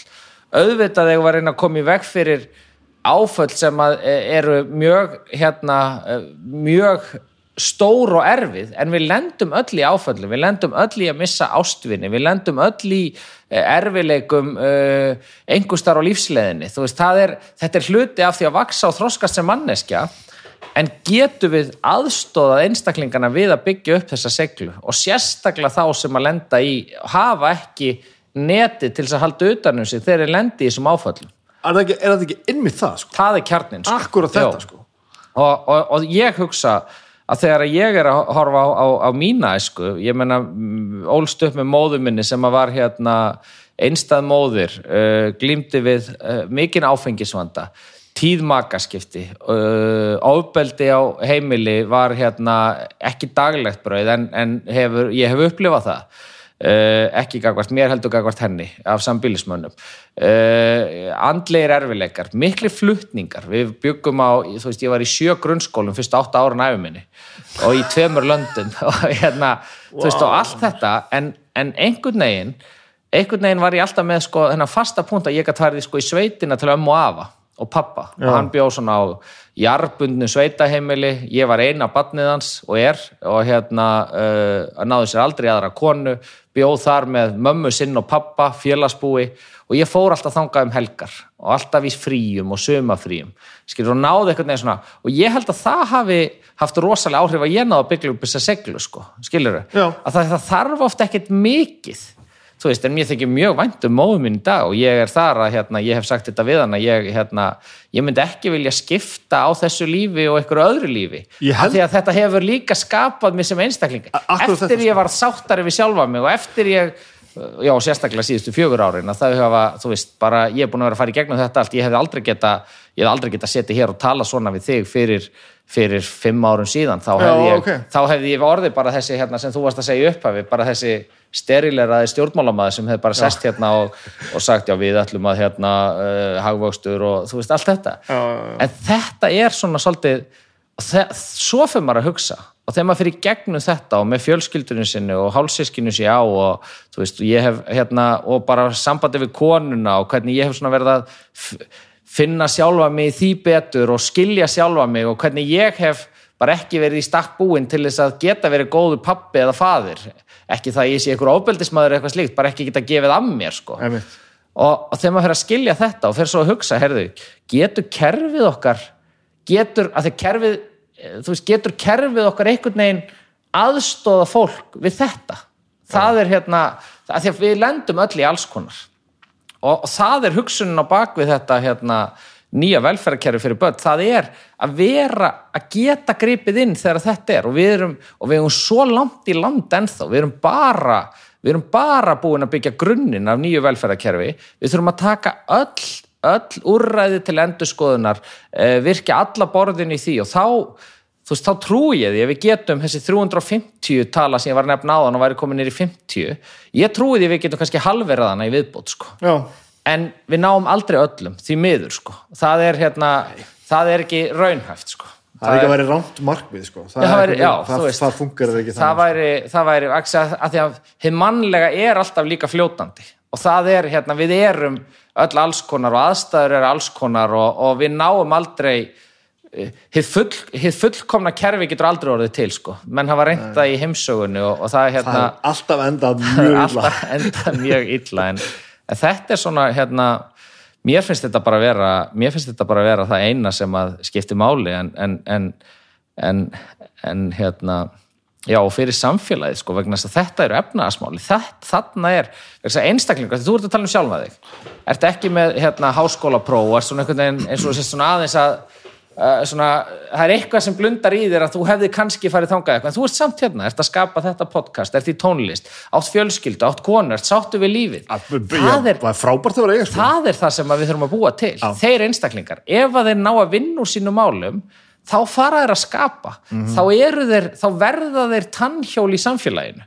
Og það er það sem maður finnur líka með þessa eh, með þessa sem- einstaklingar sem eru búin að fara í gegnum fangelsiskerfið og hafa rosalega sögur að segja og eru, ef þú googlar þá að þá færðu upp allar ljótustu fyrirsagnir hérna Akkúrat, landsins nákvæmlega. svo er þessir einstaklingar kannski komnir út, af, út, út úr þessu og eru byrjar að vinna í sjálfum sér og, og ná því eru svo bara odnir skattgreðendur Mhm. -hmm. þú veist, eru bara odnir ná sér í maka, eh, rækta sambandi við börnin sín, þú veist og þetta er ótrúlega fallegt en um leið bara en um leið bara hardcore efnagsmál já, já, já. þeir, voru rosalega dýrir þessar einstaklingar fyrir samfélagið. Mhm. og getum við aðstofað þá við að verða það ekki og verða bara sáttir í eigin skinni? Verða bara sáttir við lífið sitt og þá fara þeir að skapa. Þeir ek, kannski ekki að gera podcast en þú veist, þarf fólk bara, það að að þeim, bara það sem að þeim langar til þess að gera. Bara, og það er hérna þetta, er, þetta finnst mér einhver segir þetta sé hálfgjörur húmanismi sko, en mér finnst þetta bara að vera efnaðasmál 2001. aldarinn en hvernig er þetta humanismi samt? Að því við þekkjum öll þetta fólk sko. Allir, þetta er í öllum fjölskyldum. Og það, það, það er ekkert humanismi það, það, kannski heitir þetta humanismi ég veit það ekki, kannski er þetta bara skilgrinningamál Já. en þú veist hvernig er ekki betra að öllu leið til öllu lífi vel? Ég skil, það á ég, ég er svolítið erut með það sko auðvitað veit ég þetta ekki svona klift og skorið sko. Nei, og þetta er ekki alveg svona klift og skorið og kannski í okkar spjalli verður þetta svona eins og þetta sé svolítið klift og skorið Já, já. en það er það samt ekki. Og það sem að það sem að ég man alltaf eftir og er ennþá maður, ég var síðast að tala um svona mál í gær það er alltaf þetta eilífa af hverju er ekki grepið inn í þarna? Og ástæðan er alltaf yfirlt svo bara hver ætlar að gera það, það er ekki smá inngrip sko, ætlar að fara þann inn og ætlar að inni, þetta er svolítið þín skoðun á móti þeirra skoðun. Og, og, og það er þegar þú ert komin í svona þungar aðstæður. Aðstæður sem verða þá þungar sko. og það er, og, en ég held að það sem við þurfum líka að vera svolítið raunsæ með er að ef við gefum okkur bat sem er bara tökum, gefum okkur bat sem er í erfiðum aðstæðum og hérna uh, uh, það er erfiðar aðstæður á heimil og svo framvegis uh, að þá með því að grípa inn í og skapa einhverstar tímabundið öryggi einhverstar að skólinn sé örugur að íþróttafélagið haldi utanum hann að þú getur tekið þátt í tómstundum. Að búa bara til að búa til einhvern stað, einhvað verkefni eitthvað sem heldur utanum hann eða einhvern sem kemur inn og aðstofar fjölskylduna aðeins til þess að draga úr hlutunum að það getur oft verið alveg ótrúlega mikilvægt. Já, já, með mitt síðar meir. Þó að þú farir ekki endil inn og splundrir fjölskyldunni skilur hvað er að fara? Að, það er það sko. Og, Og- líka einhvern veginn að það þetta er alltaf gert það bara á það, þá förum við þannig bara inn á okkar fórsendum og við gerum bara það sem kerfi segir okkur að gera sko, einhvern veginn þetta er svolítið að saman og, og, og, vorum að tala með sko fangan á þann sko, og- bæði þegar þú ert inni og kemur út. Þú verður að geta ráðið að einhverju leiti sjálfur hvað átt að gera. Ef ég kem og segi við þig bara þú ert að fara í betrunarprogram á fucking morgun. þú verður að vilja þetta sjálfur. Er bara, og ég er ekki eins og að reyna að fá þau með mér lið sko. Nei, nei. en mann líður oft þannig sko, að foreldrar sem lendi í vandræðum og, og maður horfir stundum á, með hot, lítur hotnu að því að ráði gefa alveg bönni sín veist, þannig orða maður hlutina. Ef, það, ef einhverju farið niður aðeins á, bara a, a, til þeirra og sagt, sagt við þau hérna herðu e, komið með okkur og við ætlum að gera þetta svona Já. saman, verið með. Það en, en ekki að segja bara þetta gengur ekki lengur, nú ætla ég að gera þetta hér. Bara, Og það ok, er- það það er- er mikið, þú er búin að skapa þér óvinn það er flott og það er það sem við erum að hu- hugsa um með þessu, þessar nýju hugsuna því að, með því að þrepa skipta þessi fyrsta, annað og þriðja stig í dag erum við eiginlega bara með þriðja stig. Já, þú meina það, já, við erum bara með þriðja stigið. Það er bara viðbrakstíð já, það er bara rauða stigið sko, það er bara slökkubíl það er ekkit annað, bara já, þarf ekki slökkubíl, herru, nei, já, þá bara gerum við ekki neitt, veist, þetta er, þetta er svolítið þarna, og með því að segja á fyrsta stigi er hugsunin þvert á öll kerfi að reyna að vinna með massa fólki, með fyrirbyggjandi aðgerðum, með, með eh, forvarnar átökum og svona það svo getur verið að vinna með eitthvað hóp í einu. Bara eitt dæmi sem að ég sé fyrir mér að geti verið úrræði á, á fyrsta stígi væri bara þegar einstaklingar hérna Uh, að því að nú þurfum við að fara í þetta. Hvaða úrræði viljum við hafa á hverju einu stíi það er næsti fasi í þessum breytingum að, það er að ræða hvað við viljum hafa á hverju einu stíi þegar kemur að þjónustöðu börn. Þvert á all önnustig og eitt dæmi um uh, úrræði sem að ég segi fyrir mér gæti haft mikil áhrif til þess að dragur, uh, dragur streitu og kostnað og öðru síðar það er bara námskeið fyrir foreldra sem er að verða foreldrar. Hvað bara- þýðir það að verða mamma- hvað þýðir það how to become mom and dad sko. Ó, djöfull, ég Þú veist. gott að því, maður. Já, og þetta, þarna getur þú verið að vinna með þarna ertu ekki að vinna með 1 og 2 þú getur verið að vinna með 25, 30 pör í einu, mm. -hmm. og það er, það er fyrsta stíð síðan ef að þessi fjölskylda það dugi ekki alls kyn svoleiðis vegna þess að í langflestum tilfellum gerir það ótrúlega mikið, eins og þú segir, djöfull hefði maður haft gott Já, af þessu, að vita bara, fá þessi litlu kríl í fangjum og þess að bara, út í hvað er ég komin þú veist, þetta er bara Þetta er rugg sem maður byrjar á bara, Hvað er ég að gera? Já, þannig að og síðan ef að fjölskyldan þarnast einhverjar aðeins meiri stuðnings að þá fyrir málið upp á annar stig Já, og það getur þá bara verið það getur bara verið eitthvað tímabundið skilur, það getur verið þannig að, að það sé bara tímabundið bara tökum þetta sem dæmi, tímabundið fæðingatunglindi eða eitthvað, bara á heimili. Uh, að þá fer það upp á annar stig og þá tak, tekur við eitthvað svona málastjóri sem aðstóðar fjölskylduna og hjálpar ykkur í gegnum það og þú veist þetta, svo farið bara aftur nýr á fyrsta stig. Já, já. En, Og það er líka enginn að segja þér á sér ómöguleg það er enginn að segja þessu dómur við erum að vinna með fjölskyldunni og allt þetta og þá, þá dregur þessu úr málunum sem farið upp á þriðjastig Já, já, já. Þetta er bara svona eins og reikskinjarinn og slökkutækið og eldvarnateppið sko. þú veist, með því að virka þennan enda að þá dregur úr þriðjastíginu þegar fram í sækir. Og svo þurfum við að vera með öllu úrræði þar. Og þar þurfum við líka að taka til. Af því við erum að glíma þar við við erum að glíma þar við hérna en þessi úrræða keðja það þarf að taka hana alla. Og það er næsti fasi. Og fá allt kerfi til að fara að hugsa upp á nýtt inn í þessu. Uh, og, og ég held að, að, að allt sem við erum að gera þarna á þessu fyrsta stíi það er þar sem við getum gert svo miklu, miklu, miklu betur í öllu sem við erum að gera. Og það er svo rosalega ódýrt. Þó að það verði sér dýrt núna Já, já. þá sparðar hann svo rosalega peninga síðan. Mér og nú er ég komin í ræðuna við fjármálaráðnitið Já, og veistu, það verður svolítið pólitískir, það er svolítið skemmtilegt, sko. Hérna, fannst þú ekkert verið að gefa, þú veist, færi á þér? Þú ert, þú veist, þú ert svolítið búin að setja þig í, í, í stöðuna bara, ég ætla að vernda börnin í londiru. Lendur ekkert í því að bara þurfa að bara standa fyrir því. Þú ert ekkert, þú, þú, þú barnamálar á þeirra, þú veist, þú ert bara með eitthvað svona bara, ef þetta klikkar, þá erum við fókt og það er þér að kenna. já, já, ég menna þá hætti ég bara það er ekkert flókið, ok. þá fer ég bara að gera eitthvað annað þetta er ekkert verið yfirþyrmandi, þú veist, sko, mér finnst þetta aðalega bara að vera mjög gefandi. Og það eru þetta þannig að það eru þetta það er alltaf verið að, það er alltaf verið að segja heyrðu, það, þú ert ekki búin að gera nóg og þannig eru dæmi það sem er ekki verið gert. Ég er bara þar. Ég veit, ég veit hvað ég ætla og hvert mér langar til að fara. Mér langar að búa þetta nýja velferðarkerfi til. Já. mér langar að klára það. Mér langar til að taka öll úrræðin í framhaldinu og endur stokka það og endur skipulegja það allt saman og það langar mig til þess að gera núna uh, á næstu árum. Ég held síðan að þeim tíma loknum þá held ég að væri mjög gott að fá okkur annan í þessi mál. Já, þú veist, ég er bara þar vegna þess að þú átt ekki, vegna þess að þú verður líka samdöina aðstæðum og það er bara mannlegt. Uh, uh, en, en ég trúi því að við getum klárað þetta verkefni og, og, og síðan held ég að sé bara síðan held ég að sé gott að fá okkur annan. En, en ég er með líka ákveðin svona það sem ég held að sé jákvætt fyrir þetta er að hérna ég, ég finn að ég með svona einhver trilling inn í mér að elta þetta.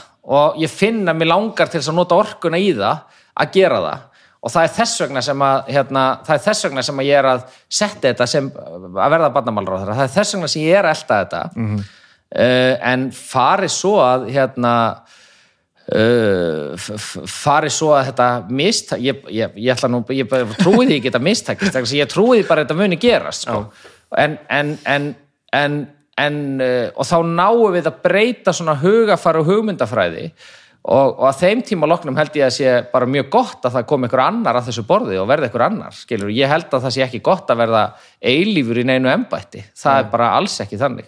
Og ég hefði aldrei trúað því þegar ég fór inn í þetta, þetta væri svona að þetta myndi tósa svona í mig sko. en ég finn það bara að, að það, það gerir það og þá er ég bara þá verður maður bara svolítið að brynja sig frá hinu sko, sem að er, Já, að það já. er alltaf þú veist, það, er það alltaf er að sjálfsögðu það alltaf, alltaf já, staðar, sko. og það álíka vera þannig og það er líka bara þannig að, að gaggrinni sem kemur hún líka hefur mjög jákvæð áhrif og það var hlut af því sem við gerðum hérna þegar við vorum að fara á stað að, að, að þegar ég settist inn í ráðund og var ennþá félags og jafnbreytsmálar á þeirra þá gaf ég það út að ef einhverju væri með börn í vanda og væri eitthvað starf verið að fjalla um þau opinberlega þá vildi ég hitta viðkomandi og ég vildi að ráðanindi leiði vinnu í að skilja akkur málin væri að standa.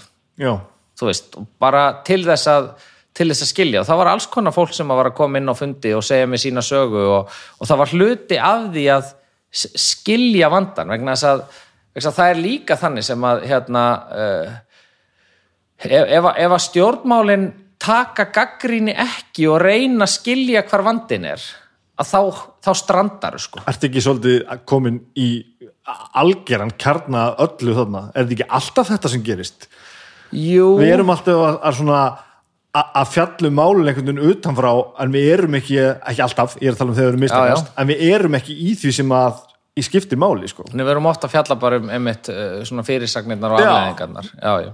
og það er, það er til dæmis hérna, já, já, jú, jú, það er og ég menna ég er alveg, þú veist segur um einhvern tímann að hafa gert það sé allir. er bara og það er ekki endilega að vera pólitík Nei, nei, er bara, bara- við gerum þetta öll. Já, já, þannig að en, en, en ég bara ég trúi bara á þessar breytingar og það er hérna, það er það sem tósar í mig og, og hérna og, og maður finnur líka orkuna hjá þeim sem er að vinna í þessum málaflokki. Að, að það eru allir svo viljur til þess að breyta. Mér finnst það, mér finnst það vera svo jákvætt og, og hérna og er eitthvað sem við þurfum að, að, að virkja þann kraft áfram líka. Og, og halda áfram að hafa alla við borðið vegna þess að það er svo mikill miskilingur að, að, að leikillin af því að ná fram stórum breytingum sé eitthvað en sá að vera bara einn í lestinni og keira hana bara fast áfram. Vegna þess að stóru breytingarna verða þegar þú færði alla með þér. Þegar við vorum með þessa stóru fundi þar sem ætti 500 manns Já. Úr ólíkum kerfum og fólk sem að hafði hingað til verið að rífast og, og maður situr á við borðið og segir heyrðu, hérna e, finniði laust og þá verður til orka. Og líka munið að við erum sammála. Við erum sammálum grunnstefnun og hvert við erum að fara, finniði lausn á litlu atriðunum, gefið öll aðeins eftir af því að þá komumst við lengra. Einmitt. og þetta er hérna þetta er eitthvað sem að ég hef líka lært sem einstaklingur vegna þess að ég var ekki svona þegar ég byrjaði í stjórnmálum, þá held ég að þetta væri allt saman bara einn maður fyrir þetta á hnefanum og, og helst í ræðustól alþingi sko. er hérna segðu mér aðeins frá þér þú ert aðeins búin að tæpa á þessu bara, þú veist, hva, hvar byrjar þetta og hvaða leið fyrir þetta svo hvar, hvar ertu fættur hvar, byrjaði lífið? hvar, hvar byrjaði líf Já, nú er bara heimsbyggi 101 Já, þú þú, þú er að svona aðeins, aðeins Þetta- tæpa á þessu, þetta hafi verið svolítið rússipanni. Já, ég hérna, ég er ættaður úr Dalasíslu í báðarættir, í Búðardal og mamma er hérna, uh, fóreldrar mín eru fættir hérna á sittkorun sveitabænum og, uh, og ég er fættur hérna í Reykjavík og bjó síðan mamma á, á ég og eina eldri hálsistir -hmm. uh, og einn yngri hálbróður uh, sammæðra og uh, fóreldrar mínir við byggum í Búðardal fyrstu áræfinar uh, síðan skildu mamma og pappi þegar ég var fimm ára og þá flytt ég með mömmu til Reykjavíkur og, uh, og ég og eldri sérst hálsýsti mín flyttum með henni til Reykjavíkur búum þar í Kópavogi á nokkrum stöðum, tveimur stöðum og í Reykjavík og síðan flyttjum við á, á Stokkseyri.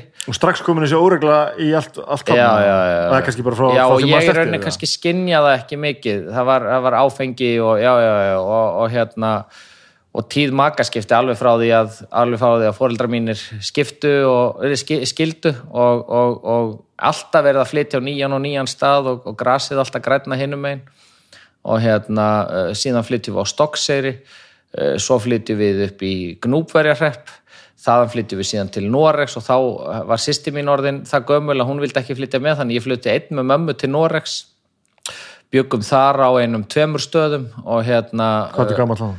þá er ég í, þetta er eitthvað stær í sjönda, áttunda bekk, svo bara þegar að áttundi bekkurinn er hálnaður og, og við vorum svona að fara að líða flutningum aftur, að þá sagði ég við, og, og mikil óregla og, og bara rugl og hérna uh, og þá segi við mömmu, heyrði, nú held ég bara að ég flytti til pappa og, og fann það líka þarna að eftir ég fór til Noregs það sem var svo gott hérna þegar ég var á Íslandi er að þá gæti ég alltaf farið í sveitina. Þá, þá fór ég alltaf um helgar uh, jólafríum og páskafríum og svona og hérna og, og, og, en þegar við vorum komið til Noregs þá var þetta svolítið svona það fór kerið svolítið þverbak þar. Og hérna bæði varðandi uh, varðandi óreglu og flutninga og, ábeld á heimili og, fleira. Og þá bara einhvern veginn sagði, fann ég bara og þá fann ég svona þessi gatnamót líka. Það var hérna mér er minnistætt þegar að hérna þegar ég fór og hitti strák sem að hafði verið hérna vinnum minn ítalsku strákur sem hafði búið á fyrri stað í Noregi sem við byggum á og, og, og fór og hitti hann og, var, og var þá sjálfu komin í ekkert svona sérstak eða svona smá fordómari ekki góð, góðan félagskap á næsta stað mm -hmm. svo far ég og fann hinn strákin og hitt hann og þá var hann komin í ykkur óreglu og þá hugsaði ég, heyrðu, nú er hérna þú veist, nú er ég á þessum kritísku gatnamótum sko. og það er erfiðast ákvörðin sem ég tekið og mannstu sagði... eftir ég að hafa átt að þessu? já, ég man eftir þessu þetta var kritísk gatnamót og ég fann það að ég gati þetta ekki og ég fann þarna að ég hérna, uh, þarna sagði mamma, mamma nú ætla ég að flytja heim til Íslands og þetta var bara meðanvettur og hún hafði alltaf sagt við mig að, að og þegar hún flutti til Norris, viltu búa hjá pappaðinu með hjá mér, þannig að það var aldrei neitt þannig. Þú gæst sko. gert hitt? Já, ég gata, en það er bara, þú ert einhvern veginn svo, þú veist, þú þú ert svo tengdur þessu og það er hérna og, og, og síðan hérna uh, og bara bæta því við að, og síðan, já, síðan flytt ég heim til Íslands, flytt hérna til pappa klára skólan þar í Búðardal og er alltaf bara þessi hressi gaur sko, þú veist, alltaf hressastur og alltaf hérna, alltaf uh, í öllum stjórnum nefndafélaga og þú veist, drífand okay. alltaf áfram og íþróttum og öllu þessu, alltaf þessi hressi bara, alltaf hressi gaurin sko og, og svo finn ég bara einhvern veginn svona hvernig, svo fer ég, í, fer ég í skóla á Kvanneyri uh, verð þar og var forman nefndafélagsins þar og stúdið fekk viðurkenningu fyrir þáttöki félagsmálum og öllu þessu, alltaf þessi kraftmikli. Svo kynnist ég koninu minni þar og, og hérna uh, fer síðan inn í stjórnmálinn og, og ég fann einhvern veginn, þarna var ég bara uh, um leið og eitthvað kom, uh, kom of nálagt mér að þá ítti ég þið alltaf frá mér sko. svo var hún bara svo þrjósk sko, að, að, að eða einhvern veginn sko, uh, ég menna við vorum saman í allmörg ára áður en ég var nokkuð og ég sé það núna, við vorum saman í mörg ára áður en að hérna, og elstadóttur okkur var fætt áður en að, áður en að ég myndi í dag skilgræna með þannig ég hefði verið færum að vera í sambandi sko. það er bara, vegna sem ég gaf aldrei að mér, ég var alltaf þú veist maður sleft aldrei þessum skildi sko, sem maður var með og svo bara, svo bara fer þetta að vera þingra og þingra og, og hérna og, og hún í rauninni er svo sem að hérna, bara með þólinnmaði sinni dregur mig bara frá allri meðvirkni og hausin inn í bara rétt mót og, og svo bara þessi síðustu fjögur ár hafa líka gert mér rosalega mikið sko. Ég, og ég hef, hefði aldrei aldrei sagt þessa sögu fyrir fjórum árum, ég hef bara ekki talað um hana fyrir, og fyrir og, fyr, og, og fyrstu árin sem við vorum saman þá hef ég aldrei talað við hana um þetta heldur nema eitthvað upp á ákveðinu marki sko. þannig að, og svo finnum við bara það er bara fullt af fólki í þessari stöðu sko. það er bara fullt af fólki sem er að burðast akkurat með þetta í lífinu Já. og kannski ekki þetta, eða eitthvað aðeins öðruvís og allavegna og svo finn ég í dag með því að hafa farið í gegnum þetta þá hérna þá er ég búin að taka sér samtöl við mömmu, við sískinni mín sem að við höfðum ekki rætt um þessi mál svona opinskátt, litli bróði minn til að mynda og eldri sýsti mín, við höfum ekki rætt þetta svona opinskátt og, og, og, og í dag bara ég menna mér þykir rosalega vænt um mömmu og ef ég skoða hennar líf að þá þá er hún bara akkurat þessi einstaklingu sem ég var að lýsa á þann sem leittist sjálfur út á braud. Ég menna hún bjófið það að, að, að Móðir hennar uh, var búsett á sveitaheimili í Dalasíslu, vinnukona sem kom frá Nóri með eitt badn með sér, kynntist afa þar, flú, flúð á stríðsárunum, glýmdi við uh, geðveiki og það var ekkert sérstaklega spennandi að vera í litlu samfélagi geðveikur uh, á, á, hérna, á sjönda áratögnum sko. Það var bara, þú getur ímyndað hvernig það er og umræða var ekki komin... Eitt stór stimpill. Í litlu samfélagi. Eh, síðan er hérna, afi minn var, hérna, ég hitti þau aldrei, þau voru dáin á henni fættist, afi minn hérna uh, uh, var uh, þótti sopin góður eins og týðkaðist oft. Síðan lendir mamma í því þegar hún er með í, í sýstu mína nýfætt að, að mamma, amma brennur inni á sveitabænum. Þannig að hún er búin að missa báða foreldra sína bara fyrir tvítugt og, og móðurinn að brann inni. Þú veist að þannig að þú og þegar þú fyrir að hugsa þetta og svo þá hugsa maður líka bara hvernig mátti hún, það er eiginlega ótrúlegt hvað, hún, hvað henni hefur tekist að koma okkur til manns. Veist og þetta er hérna og hef, þess vegna hef ég sagt við hana og, og, og segi, ég, meni, ég myndi aldrei vilja skipta á þessu sko, veist, vegna þess að þetta er þetta er þetta er líka það sem er að gefa mér innblásturinn í dag, það er þetta og hérna og já, síðan í rauninni hérna, bara stjórnmálaferillin við, hérna, ég kom inn í stjórnmálin mjög óvænt á sínum tíma og búin að vera alls konar svifti vindar þar, átök og, og um, mál sem að hérna um, átök og búin að fara á milli flokka, kom inn fyrir Vafki og kom inn í framsókn í, í, fór í, í gekk í framsóknarflokkin 2012 Þannig að þetta er búið að vera svona rússipanna reið sko. Og, og í rauninni alla þessa rússipanna reið hef ég hérna, hef ég ekki verið hérna, hef ég ekki verið svona búin að finna sjálfa mig held ég fyrr en bara núna síðust ár. Og þess vegna er ég alveg þess vegna er ég alveg rólegur þó að þessar, hvernig sem þessar kostningar fara sko, að því að, að, að, að þú veist, og þess vegna fannst mér líka langaði maður að taka þess að áhætt að fara úr norvestur í, í Reykjavík, að því að mér langar til þess að leggja áherslu á þessi mál sem ég er búin að leggja áherslu á, mér langar ekki að með fullri virðingu og, og, og mér þá langar mér ekki að vera stjórnmálamæður sem að er, að berja, það tósar ekki í mig að berjast fyrir malbyggi og, og uppbyggingu yðnaðar og þú skilur, þó þetta sé allt mikilvæg mál, þá tósar þetta meira í mig. Og eins og góðu vinnu mér sagði, hann sagði ég, ég sagði við Tolla þegar ég var búin að ákvæða að gera þetta. Og sagði við Tolla, Tolli, er þetta vittlega hjá mér, fer þetta allt ítla hann sagði ásjá, meðan þú ert sáttur og þér líður vel. Þá fer þetta aldrei ítla þó þetta fara ítla Ó, þetta er svo rétt sko, þetta er svo, þetta er svo hár rétt. Og það er einhvern veginn, sko, jújú jú, er, og það er bara það sem að ég hérna, finn að, að mér líður vel ég er ánaður uh, samband mitt við konuna mín hefur aldrei verið betra uh, fyrir utan bara síðustu þrjár vikur því ég hef ekki titt hana því að þessi kvartingu verður þetta ég er að gera, gefa meira af mér sem pappi heldur en ég hef gert. Uh, þetta er samt eilívar ferðalag og ég finn það alveg. Ég, maður mað fer niður og maður fer upp og niður og milli daga og vikna og þú veist það er bara og það er hluta lífinu og maður er bara að læra að takast á við það. Alveg svo þú, þú fyrir til sálfræðings. Ég, ég er að hlusta á sjálf um að tala hérna svolítið mikið sko. þú ert að segja rosa margt sem ég er að gera sjálfur sko. og, og ert að læra að takast á við sjálfa þig skilja sjálfa þig. Og hérna átta sig líka á því að þetta er ekki verkefni sem klárast. Aldrei. Það var, ég, þurfti svolítið að hérna, vá hvað ég er að ná góðum árangum hérna. Þetta, ég verið orðin frábær hérna eftir smá. Svo, svo þá kemur hérna smá dalur niður aftur og maður bara, er mér að mistakast þetta? Nei, þér er ekki að mistakast þetta þetta er bara ekki, þú veist, það verður aldrei búið sko. Mér finnst sko, mér finnst hérna ég, mér finnst hérna mér finnst þess að ég sé alltaf að spila slönguspilið. Og, og þú, svo gerist eitthvað jákvæmt og þá ferðu upp stiga svo ferðu þrjáreit áfram, þá lendur á slöngu og, og hissa. Já, alltaf, ha, ég lend á slöngu og, og, og þú, það klárast aldrei. Mm. þetta er eiginlega slönguspil sem er í hring. Er þannig sko. Og það er einhvern veginn uh, og þú getur stýrt í svolítið sjálfur hvað eru marga slöngur í spilinu og hvað ekki.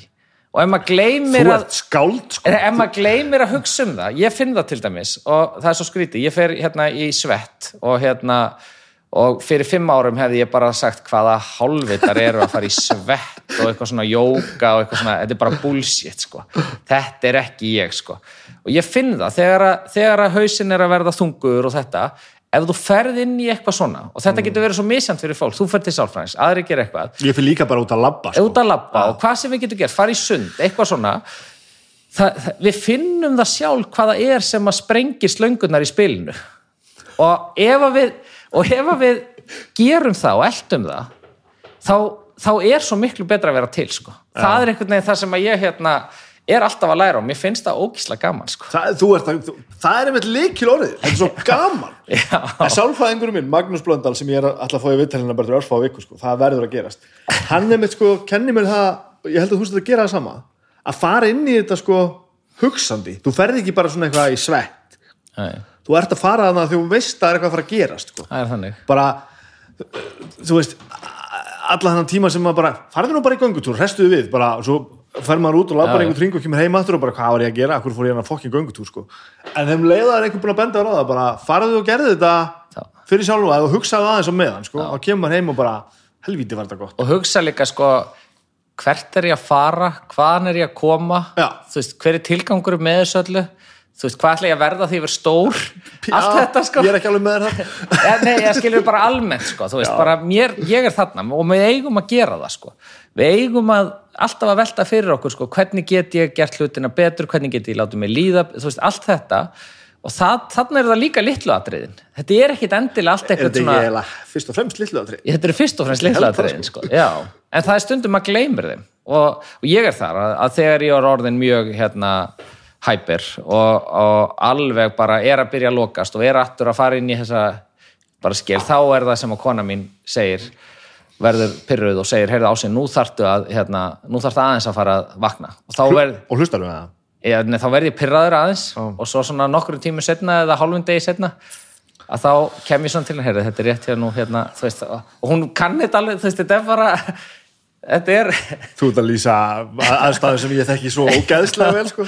þannig að hún er eiginlega bara, ég hef stundu sagt að ég held að hún sé bara akkeri mitt og, og annars væri ég bara eins og einhver flugdryggi hérna sveimandi, enginn haldi bandið, sko já, já. Bara, þannig að manstu af, var eitthvað tipping point það sem þú ákast á þyrftir að gera eitthvað í þessu eða þú veist fylltist mælinu bara svona eitthvað og þú bara svona sprakst á limminu eða hvað ég hérna ég hef sko það ég held að það hafi svolítið verið að, að hérna uh, þegar að ég var búinn að þegar við vorum búin að vera saman í talsverðan tíma við, ég og, og, og, og, Sunna uh, og ég fann einhvern veginn að ég fann einhvern veginn að, að þetta samband var ekki þannig ég ætlaði ekki að flýja það sko og fara í nýtt strax. Og ég fann að hérna uh, ég fann að ég þurfti svona að, hérna vinna í mér. Og þá og þá var ég ekkert að tala um þessi mál mikið. Og þá fór ég á fundi hjá hérna uh, Alanon. Fór ekki öll skrefin þar af því að ég var mjög og er mjög meðvirkur sko. Það er, hérna, það er bara eitthvað sem ég er alltaf að, vinna í og það er hluta af því þau voru alls upp við, við svona.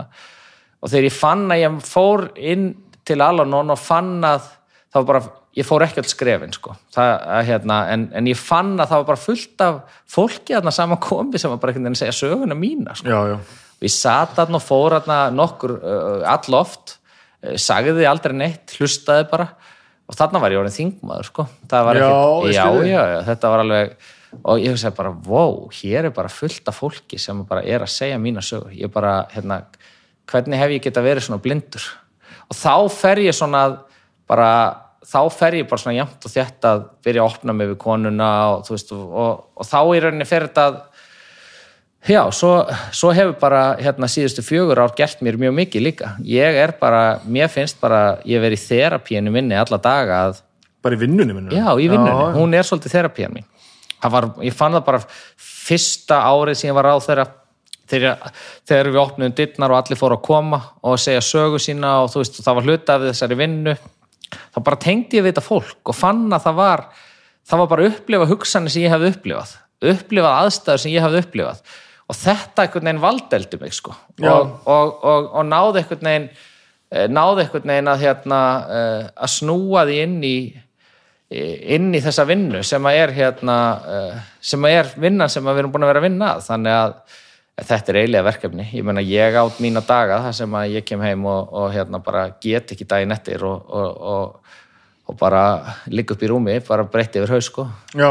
það er ekkert og hvað er þá náður? þá er bara einhvern veginn kvíða já, þá er bara svona kvíði og bara, oh, bara þú veist, þá er þungt og, og hausinn fyrir í steik og, og hérna, og þá þarf maður bara aðeins að svona, það er svo stutt á milli sko. já, þetta er svo stutt á milli og, og það er bara hérna, þetta er og það, og það verður það alltaf.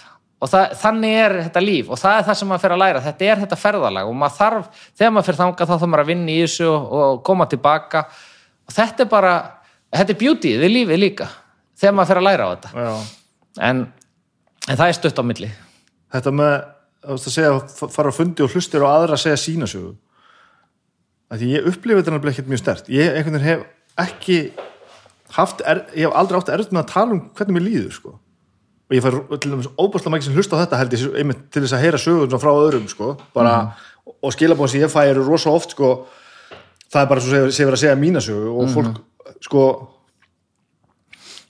varstu hissa á því að heyra að, að annað fólk hefði sömu sig að segja? Já, mjög það er það sem ég á svo erfitt með að skilja. Ég já, ég hef alltaf verið svo lokaður og aldrei talað um neitt og hvernig mér liði og neitt sko. Helstu þá að þú værir einhvers konar, ég sinni kannski ekki einstæmi að þetta væri ég leit ekki bara á þetta sem þetta væri einhver veikleiki. Á, þetta væri ég bara ekki, skildi, veist, ég lendi bara ekki í neinu og aðstæðuna voru ekki erfiðar og hvað rugl er þetta? Þetta er bara, ég var bara alltaf á full í félagslífi og fullum krafti og var ekkit vesen og var á djamminu og allt þetta þannig að svo bara einhvern veginn fer þetta svona að þingjast og maður bara finnur að maður er ekki maður er kannski ekki hérna, maður er ekki búin að finna innri hamingjuna og þú finnur hann ekki nema að brjóta þetta niður. Þú veist, þetta, að, ég, ég veit ekki hvort þú tengir við Jú, þetta ég, sko. ég held að þú sér bara að opna augum fyrir einhvers ég hef bara Já, aldrei, að mér alltaf fundist þetta svo borlíkjandi að, þú lítur að sjá það að aðrir hafa lendi í einhverju svipa á þú, en, en þú ert að segja að þú upplifir þetta ekki sem ég hef séð það en ég hef ekki verið í stakk búin til þess að einhvern veginn að vinna úr því heldur sko. eða skilur að, Já, já, já. þú veist jú, ég finn alveg að þetta var ekki lægi en maður var samt ekki maður var ekki að vorkenna sér. Nei, þetta var bara ekkert mál. Já, já, sagt, jú, jú, þetta var alveg, jú, þetta var alveg mál, þetta var óþægild og fullt af erfiðum tilfinningum og fullt af momentum sem að maður mann eftir, sem að voru rosalega erfið, en samt einhvern veginn bara, æ, þú veist, í sveitinu bara harka maður af sér. Já. Þetta er svolítið, þetta er, svo bara, eh, svo kemst maður bara að því að, að hamingjan er ekki þar. þú Nei, nei, opnar ekki einhvern veginn, þú nærð ekki að láta þér líða vel með því að vera þar. Og svo verður það bara alltaf þingra og þingra og þingra þangað til þú nærð og það er einhvern veginn það sem að mér fannst erfiðast að yfirstíga það var að, að hérna, einhvern veginn að horfast í augu við það að ég væri ekki lífi væri ekki eins og ég vildi hafa það. Og ég væri ekki eins og ég vildi skilur hvað er að fara? Já, já, já, Þú nú veist- fatt það ég hvað það fara. Og það var einhvern veginn hérna En eitthvað, rekur það stað samt.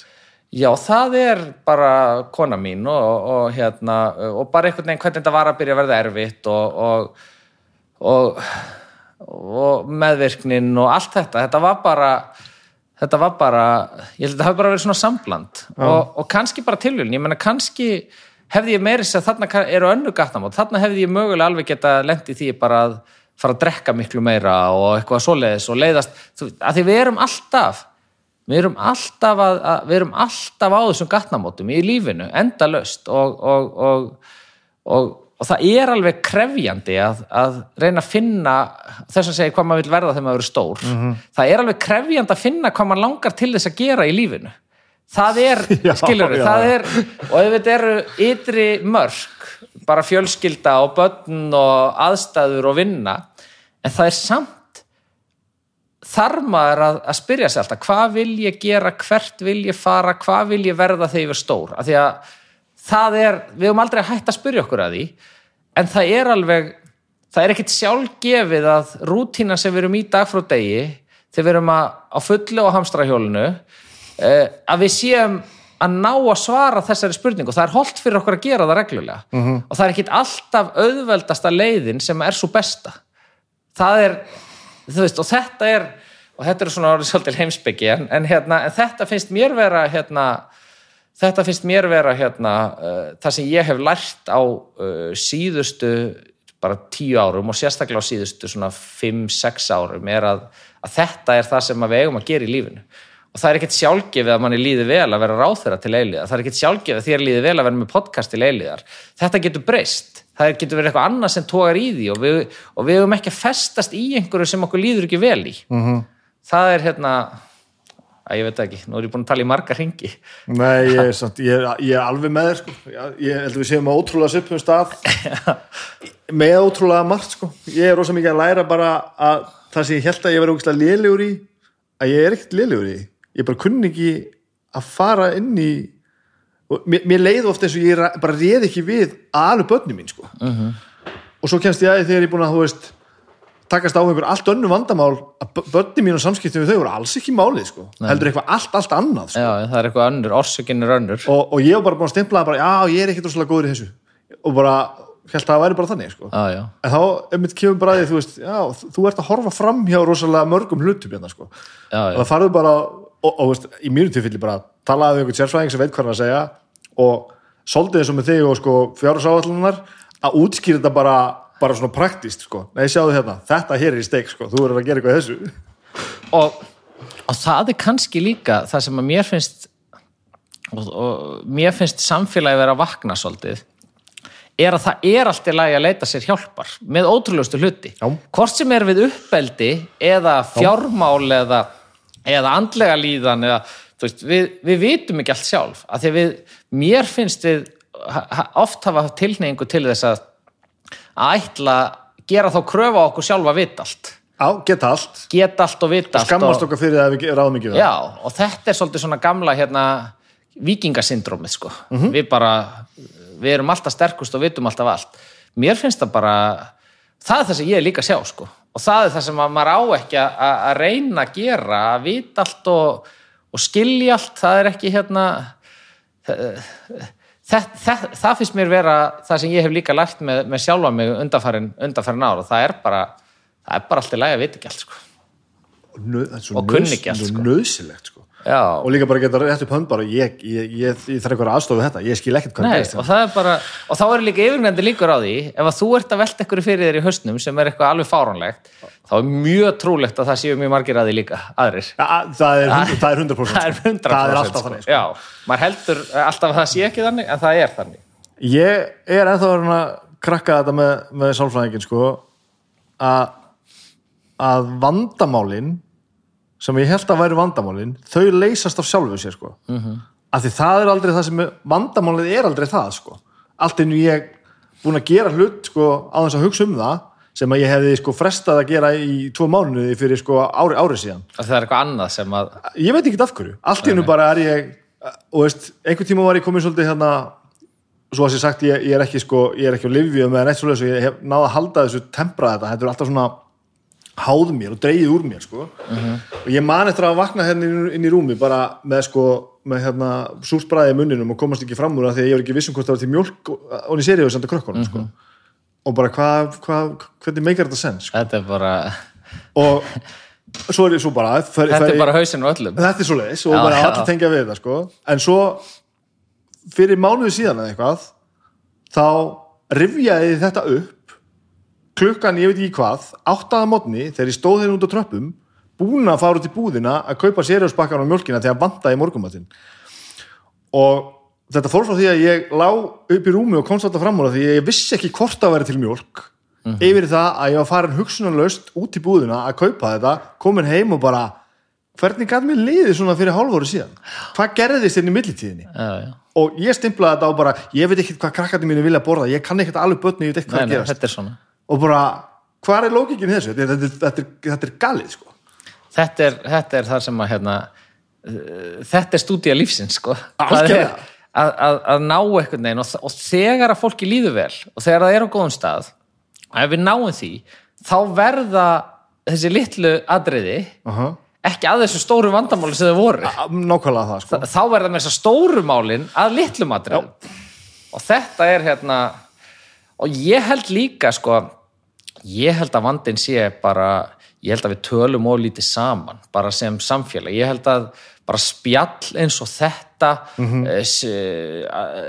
vinahópur sem kemur saman ég held, ég held bara að menn séu alltaf lokaður allir, ég held að við séum bara þú veist, bara, ég held við séum ekki nógu mikið að tala saman hvert við annað, eh, séum nógu mikið að opna okkur og það held ég að það held ég að sé alveg ótrúlega mikið lausn á mörgu vegna, ég fann það bara þegar hérna, ég fór í viðtal og fór að segja mína sögu uh, sem var rosa stressandi og þurfti að fara í gegnum alls konar áður en að ég bara með mömmu og við þurftum að lesa þetta saman yfir og krifja fullt af hlutin sem við höfum Já, aldrei rætt og allt þetta. Uh, síðan bara fór ég að fá bara sendingar hérðan og þaðan og svolítið sem þú ert að upplifa líka með podcastið bara frá fólki, þjóðþektum einstaklingum fólki hérðan og þaðan, bara eh, námsmönnum hinnum og þessum sem fór að senda mér. Og ég hitti dóltið þessu fólki, bara svona random og, og þegar maður fyrir að finna bara að, að það er fullt af öðrum fó- fólki að glíma við sömu hluti þá sem maður heyrðu, bara samtalið gerir svo mikið. Það að geta að tala við fólk gerir svo mikið og það þarf ekki alltaf að vera sálfræðingur. Það getur bara verið vinahópur. Veist, bara- það, það getur verið bara vinahópur eða eitthvað. Og þetta finnst mér vera þetta finnst mér vera bara uh, við ættum að hvetja til meila samtals um það hvernig okkur líður í samfélaginu. Já, og þá held ég að við brjótum niður ótrúlega mikið af þessum hérna þessum erfiðu mómentum um að bara geta ekki farið og þú veist bara sé ekki til mjölk út á seriós mm -hmm. af, því að, af því að þetta er þetta er ekkit óeðlegt, það er ekkit óeðlegt við þetta.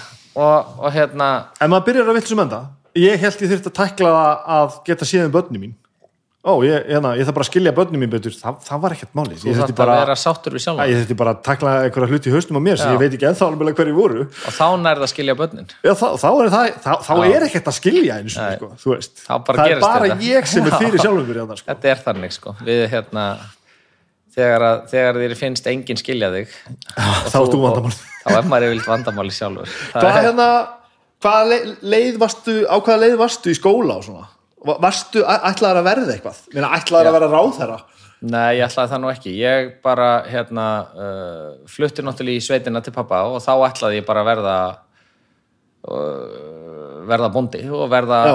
bara að taka landbúnaðin alla leið og veist og það var hérna og það er hluta af þessu ferðarlegi sem ég er búin að fara í gegnum.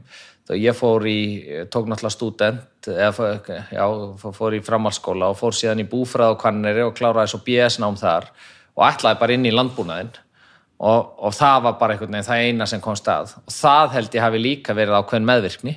Af því að það var ekki það sem að mig ég finn það í dag að það er ekki það sem að tósar í mig ég sé mig enga veginn með fullri virðingu fyrir íslenskun landbúnaði og íslenskri matalaframleyslu og öllu þessu frábæra fólki sem býr allt í kringu landið og er að rekta jörðin okkar og framleiða mat og halda byggðin, landin í byggð að það tósa bara ekkert í mig að fara eftir landbúnað, ekkert, bara null bara, það er bara og þetta er hluti af því að, að, að því ég var að tala um meðvirkni.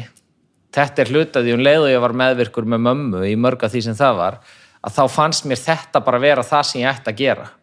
Já. og svo bara finn ég að það bara er það engan veginn sko. Og það er bara, þú veist, og það er bara var rosa léttir. Og ég menna pappir ennþá í, býr í dölunum með eitthvað kindur og svona og, og er, er í því en þetta bara, þetta tósar ekki lengur í mig Nei. og er ekki og bara ekki sagt að nefni vanvirðingu við þetta frábæra fólk sem er í landbúnað í dag Nei.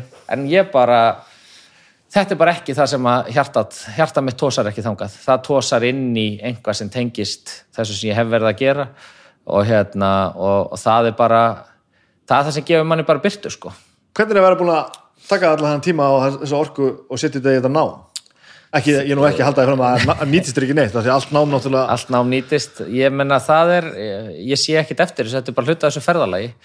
En hérna en, en ég hugsa ef ég myndi velja mér nám í dag þá myndi ég velja eitthvað annað sko. Mm -hmm. það er hérna það er, e, það er það er alveg ljós sko, ég myndi velja mér að vinna með fólki sem að væri hérna ég minna, mist sálfræði, það verður spennandi. Félags, félagsfræði eitthvað svo leið, sko, félagsrákjöf líka eitthvað svona hagrænar pælingar í þessu öllu sem ég finnst það mjög spennandi. Að besta svona, svona aðferðnar í þessu já, já, en fyrst og fremst finnst ég gaman að vinna með fólki. Og það er hérna, það gefur mér. Mér finnst gaman að vera innan um fólk, það var ekki feik hérna, þegar ég var yngri sko, þar var ég alveg mér finnst Mér finnst gaman að vera innan um fólk, mér finnst gaman að vinna með fólki, mér finnst gaman að vinna með hópi fólks, mér finnst gaman þegar að fólk er að skiptast á skoðunum og við náum, þú veist, eitt af skemmtilegasta sem ég ger í vinnun er ef ég get fengið fólk með ólík sjónamið og það sest niður og svo finnur það eitthvað löst. Þetta, þetta gefur mér sko. Já, já. Þannig að hérna, Þannig að já, ég, þetta var mikil uppeyja hérna, en ég á marga góða vini sem ég kynntist í þessu námi allt í kringu landi og þeir verða alltaf vini mínir. Já, já. Það er ekkert hérna og, og hérna uh, og, og mér fannst bara já, þetta var góður tími. Ég kynntist konunum minni í náminu þar. Hún var, hest, var mikið í hestum og kom hann í háskólanám og fætt og uppalinn henni hérna í Reykjavík og, hérna, og ákvaða að fara á, á Kvannir og við kynntumst þar. Þannig að þannig að það er nú hérna þó ég hafi verið í fimm, fimm ár þar í námi og öllu þessu þó að væri bara til þess að kynast henni að þá er það ekki þá var, þá, þá var engu að því til, sóa til einskís sko. þannig, að, þannig að þetta er svona já, það er það er hérna þetta maður breytist. Og þetta er líka lífið sko.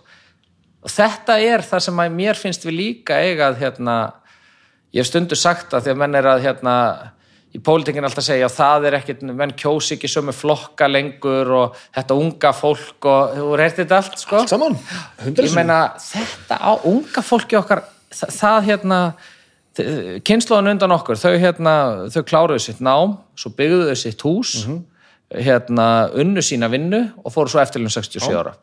Í dag er unga fólki þannig að það hérna, þá náttúrulega fyrsta legilega engin badn með, með neitt badn með hverju makka og hérna fólk gerir alls konar á lífsleginni, er í alls konar vinnu býr á fullta stöðum vill helst búa, ég vil prófa að búa í Ísland og í útlöndum, ég finn þetta á dætrum mínum þær eru miklu opnari og hérna uh, og, og er að velja sér nýja karriera. Já. og þetta er þetta er líf, þetta er það sem við erum að hvetja unga fólki til, við erum að hvetja þau til að gera þetta, vegna þess að ég held að þegar að þú hérna, ég stundum að hugsa hvað það er sem maður mun hugsa þegar maður liggur banaleguna og að því að það er hluti af því að hugsa hvað þú vilt gera við lífið. Skilur hvað er að fara? Mögulega. Já, þetta er ekki þetta var hljómaði kannski svolítið illa. Eða ég ætla að snúi sér við. Þetta, ég hugsa að þegar að þú munir líka bannaleguna þá horfur á hvað hef ég eitt miklum tíma með fjölskyldunni? Hvað hef ég gert sem að hefur gefið lífinu gildi? Skilur, hvað hef ég ferðast hef ég prófað nýja hluti? Veist, þetta er þetta er það sem mig langar til þegar ég horfi til baka uh, yfir lífshlaupið. Ég hefi gert það sem mig langaði. Ég hefi aðstofað börnum við að gera það sem þeim langi og við erum ekki búin að fyrirfram gefa mér að ég ætla að gera eitthvað ákveðið allt lífið. Þess vegna er ég ekki búin að gefa mér það að ég ætla að vera stjórnmálamæður allt lífið. Nei, og í rauninni langar mér bara jafnvel til að gera margt miklu fleira heldur en að vera stjórnmálamæður já, já, já. Hvað gerist á milli skólans og stjórnmáluna? Það er, við kláruðum náttúrulega bara hérna, við kláruðum uh, hérna námið bara, ég, sko, ég kom á þing 26 ára. Þannig að ég var ekkert, þetta voru ekki nema 2-3 ár Já, sem voru þetta svona og þá fórum við, þá fórum við og tókum þátt í búskapnum með föðu mínum. Já, það var þannig. Já, Þannig að þú fóst í það. Já, já, og svo fór ég inn í pólitíkina þaðan. Þannig að hérna, Djúðastu ungur þú varst að koma hann inn eða semst ég var svona, við vorum bara með annan fótinn inn í því, hann var náttúrulega helt utanum þetta og svo leiðis og svo fer ég inn í pólitíkina og, og svo hefur þetta bara svona verið að Nei, nú ég við pólitíkina, ekki, ekki búskapin ég í, já, ég er, ég er náttúrulega ekki nefna 38 ára. Nei. Þannig að hérna, við búin að vera 10 ár.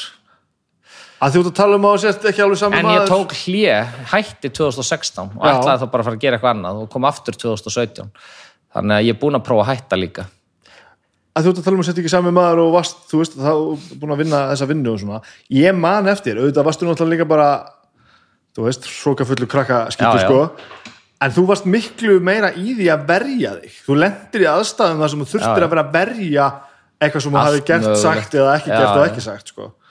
en svo einhvern veginn upplifum að það ekki núna sko. Nei, það er einhvern veginn það er einhvern veginn þegar þú ert í já, þegar þú ert í stjórnmálanum sem einhverju svona hluta af einhverju uh, leikriti einhverju svo leiðist, þá hérna þá lendur við me miklu meiri þannig. Ég, mér finnst bara einhvern veginn núna mér finnst ég ekki þurfa að verja neitt sko. Mér finnst ég bara, þú veist, síðustu fjögur án ég það er fullt sem að ég hef ekki náði gegn sem að mér langaði að ná í gegn. Mér langaði að ná í gegn kerfisbreyting í málefnum örorkulífurist þegar, mér langaði að ná í gegn meiri kerfisbreytingum í málefnum eldra fólks. Skilu það er fullt af hlutum sem að hérna, ég náði ekki gera en ég er bara búin að vera mjög hreinskili með þessi verkefni sem ég ráðist í við hefum einhvern veginn lagt allt í það og, og mér finnst einhvern veginn ég bara sá ég, ég er sáttur við það sem við náðum og mér finnst einhvern veginn að ég veit ekki, nei ég mér finnst einhvern veginn ég ekki þurfa að verja neitt sko. en nú er ég ekki, ég er ekki bara að tala um máli ég er líka að tala bara sjálfa þig þú Já, varst já. stundum í svona að verjast í einhverju svona búa til einhverju afsaka fyrir eitthvað sem þú sagt að gert Já, já, og er- flugferðin og allt þetta já, dót, þessi sko. góða flugferð þarna og það varst alltaf, alltaf svona stöðinu þar sem varst einhvern veginn svona alltaf í vörð sko. Já. já, það er bara nei, núna bara já, ég ég, ég veit það ekki finn- þú, ég er kannski aðalega fisk eftir finnur þú sjálfur munin ég finna aðla bara munin mér finnst ég ekki vera fastur í einhverju mér finnst ég ekki vera eins fastur í einhverju fyrirfram gefnu leikriti sko. Það er hérna, þú veist, það er bara svona almennt í öllu sem ég er að gera sko. Og hérna og þá var ég bara mjög upptekinn af því að þegar ég var komin í stjórnmálin ætlaði ég bara að vera stjórnmála maður já, þú veist, og þá ferðu núna er ég bara ekkert endilega stattur þar ég skilur ef þetta fer illa að þá hef ég bara ekki að ég veit ekki, ég hef miklu minni áhyggjur af því hvað það, auðvitað er það, jú, ég er með fjölskyldu og stressandi og breytingar og allt þetta en það er líka bara holdt sko Já. já, ég, hérna já, kannski er ég bara nei, ég, ég hef ekki svarið Nei. en, en ég finn þetta alveg, þetta er allt öðruvísi heldur en hefur verið en, en hérna, en, en ég held að það sé líka þannig að þú ef þú nærið eitthvað neina kjarna þig og ferð bara að elta það sem að hérna það sem þér finnst skipta máli og þá einhvern veginn útilokast allt hitt, ég veit það ekki. Mér, mér finnst, já. Að ég veit það ekki. Það er, það- þú- en það heldur sér ekkert svar við þessu. Ég Nei, bara svona, ég, að því út að segja söguðina svona þá uh, bara fatta þetta. Og alls konar átökum var endalust ég meina ég var náttúrulega í þú veist, ég var í endalusum átökum og ESB-n og ISAVE og allt þetta. Þú veist, ég var alltaf með nefan á lofti. Já, það var, ég var oddamaður í fjárlaganemnd í ISAVE á sínum tíma þegar að, hérna, var ekki meiri hluti fyrir því og, og nýkomin inn á þing og svakalega átök innan flokks og allt þetta og hérna og, og þetta hefur allt skólamann en, en, en mér finnst, já, svo, svo bara einhvern veginn og ég held líka bara stjórnmál gætu ekki snúist um svona samvinnu, sko. Það er, ég, ég trúði ekki almennilega á það fyrir en að maður fer að komast í þá stöðu að virki alla með, sko.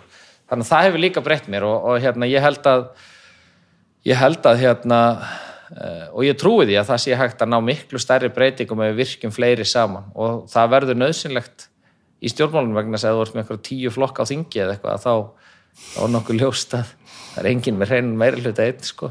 Þetta er það sem að við upplifum maður eins og ég sem að þú veist hef ekkert fylgst með pólitíknum að svo og svo mikið ég sé, ég, ég sé aldrei samvinnuna Nei, nei. þú veist, ég, ég veit hún er þarna sko, og hún er í mjög mörgum málum það er bara- bara, það hlýtur að vera, sko. já, ég meina 80-90% af málum sem fari gegnum alþingi eru bara samþygt með öllum greitum atkvæðum og menn vinna bara saman já, einmitt það er ekkert það, það er bara ekki, grannlega ráttur ekki fréttina Nei, sko. það selur ekki klink, það selur ekki smelli það selur ekki smellina sko. þannig að, nei, þetta er hérna, já þetta er þetta er búið að vera spennandi og skemmtilegu tími, sko. Hvað hérna hvað ætlar svo þá að verða þetta um stór? Maður er alltaf að hugsa það. Ég hérna það er svolítið eins og hafi sleft einhverju úr lífinu. Já, mér finnst ég hafa mér finnst ég já, já sko, ég var náttúrulega alveg á kafi hérna með fór í þetta nám og svo kynntist ég konu minni og vorum ung og eignusbönn og, og allt það mér finnst ég eiga eftir svolítið svona hérna uh, ég er alltaf að ta- tala um hérna, það er eitthvað svona sem tekkar í mann mér finnst ég eiga eftir hérna bakpokaferðalæðið um Evrópu og eitthvað svona sko, mér finnst ég eiga þennan Interrail. já, mér finnst ég eiga þennan kapl eftir sko og hérna og það er svona hérna það er svona einhver ævintýra þrá þar sko Ok. og mér finnst ég eiga þann hluta eftir að geta ég meina draumi minn væri að taka ég hugsa ef ég komist ekki inn á þinga þá fer ég og tek hérna bakpokaferðalag um heiminn og hérna þú veist, bara eitthvað svona sko. Það er það, er það sem ég finnst ekki eftir og, og þegar að krakkarnir eldast aðeins þá langar mig til þess að fara í svona og fara í eitthvað svoleiðis ferðalag, sjá heiminn, sjá nýja hluti og hérna uh, ég meina draumurinn væri bara að fara með bakbókan og, og, og gista bara í couchsurfing sko. Það er bara það er rosa þetta að heyra fullorinn mann segja þetta.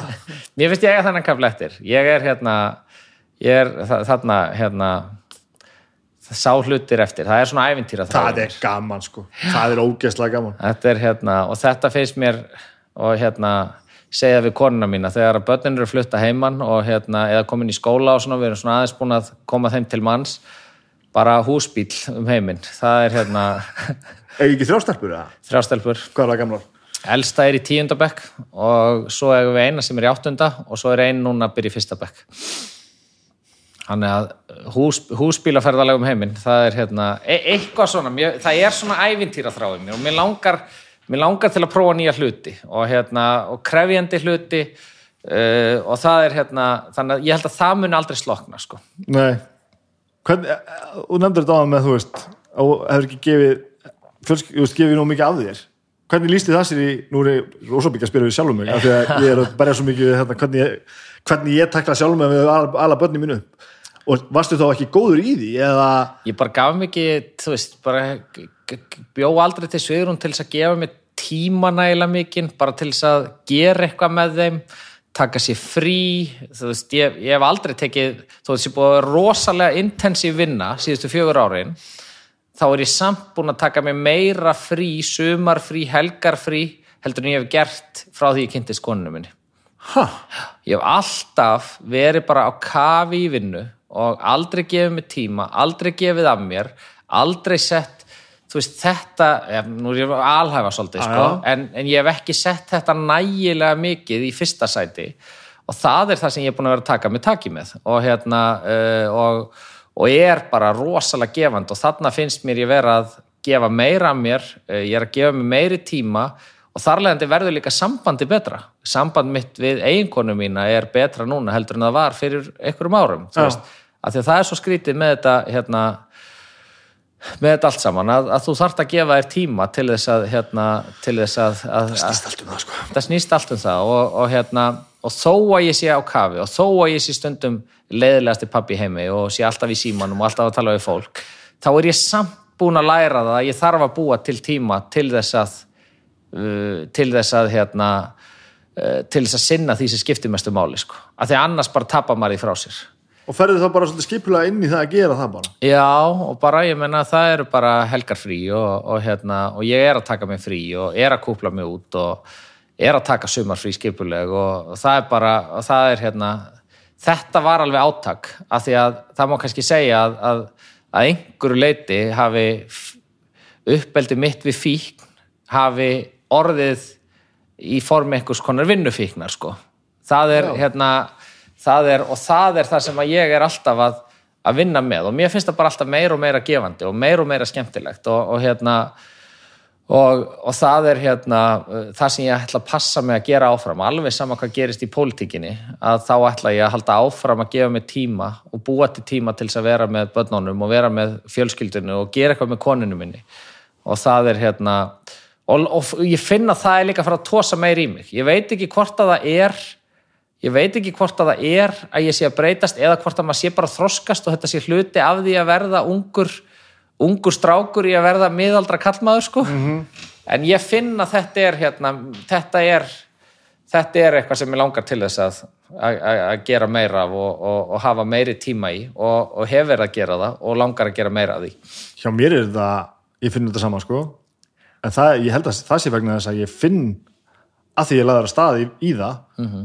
hvað það er gaman og gefandi og hvað ég er hvað ég ræði vel við þetta þvert á það sem ég held sko og þá langar mann að gera meira sko er og maður held, þessu frá sér svona, Já, að já. þetta er eitthvað erfitt hérna og ég bara ætla að hafa þetta bara svona og svo þegar þú sér það gengur ekki upp og þú færið þið nær og fyrir að gera meira og fatta bara, herri, þetta er auðvitað þetta og þetta er líka hluti af því að, að, að losna við það svo skrítið sko að, að það að, að sinna þessu betur það er hluti af því að brjóta niður slöngunar í spilinu og mjólkuferðnan verði ekki vandamál sko. þetta er svo skrítið, allt orsök og afleðing þetta er allt það sama sko. já, þetta er alltaf sama sko. og þetta er einhvern veginn það sem að það sem að maður er að læra sko. og, og það er það skemmtilega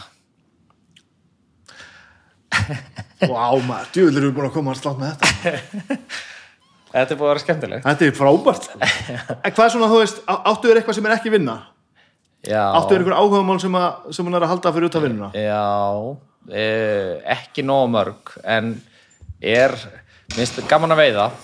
Minnst gaman að fara og ekki í lagsveiði bara vatnaveiði og svona sko. Uh, mér finnst hérna mér finnst mjög gaman að smíða og það gefur mér mjög mikið að hérna bara fara með góða tónlist út og smíða og smíður, smíður timbri vera að smíða sólpall og eitthvað svona, það Já, gefur mér mjög mikið. ok. og það er hluta þess að mér hefur alltaf fundist gaman að vinna með höndunum. Ó, ég undaði þessu maður það er bara og svo finnst mér gaman að ferðast. Finnst mjög gaman að ferðast Já. og langar að gera miklu meira af því að, hérna, að ferðast. Og, og svo er ég bara finnst meira og meira gaman bara að, að, að hérna, þú veist, elda góðan mat uh, ég hérna er svo um helgar að, að geta kannski svona einhvern tíðan um miðjan dag uh, setnipart dags farið að elda í eldúsinu og vera með smá tónlist og fá fólk í mat og þú veist þetta allt, þetta finnst mér þetta gefur mér mm -hmm. fá góða vinn í mat uh, þetta er Það er ítla gaman er ég þurfti illa að læra gaman. það líka sko. að það er einhver aðgerð sko. Já, að upphefja það sem sko, sem að, þú- að því ég var eiginlega að spyrja út í áhugamáli mér finnst briljant að þú skulle setja þetta bara eins og áhugamál. Mér finnst gaman að elda góðan mat sko. það er hérna já, ég er ekki nú góður í því. Að, sennilega er ég góður í því, það er eitthvað sem að stoppa mig í. Mér finnst mjög leðilt að elda hverstagsmat Þú veist, svoðin fiskur til dæmis.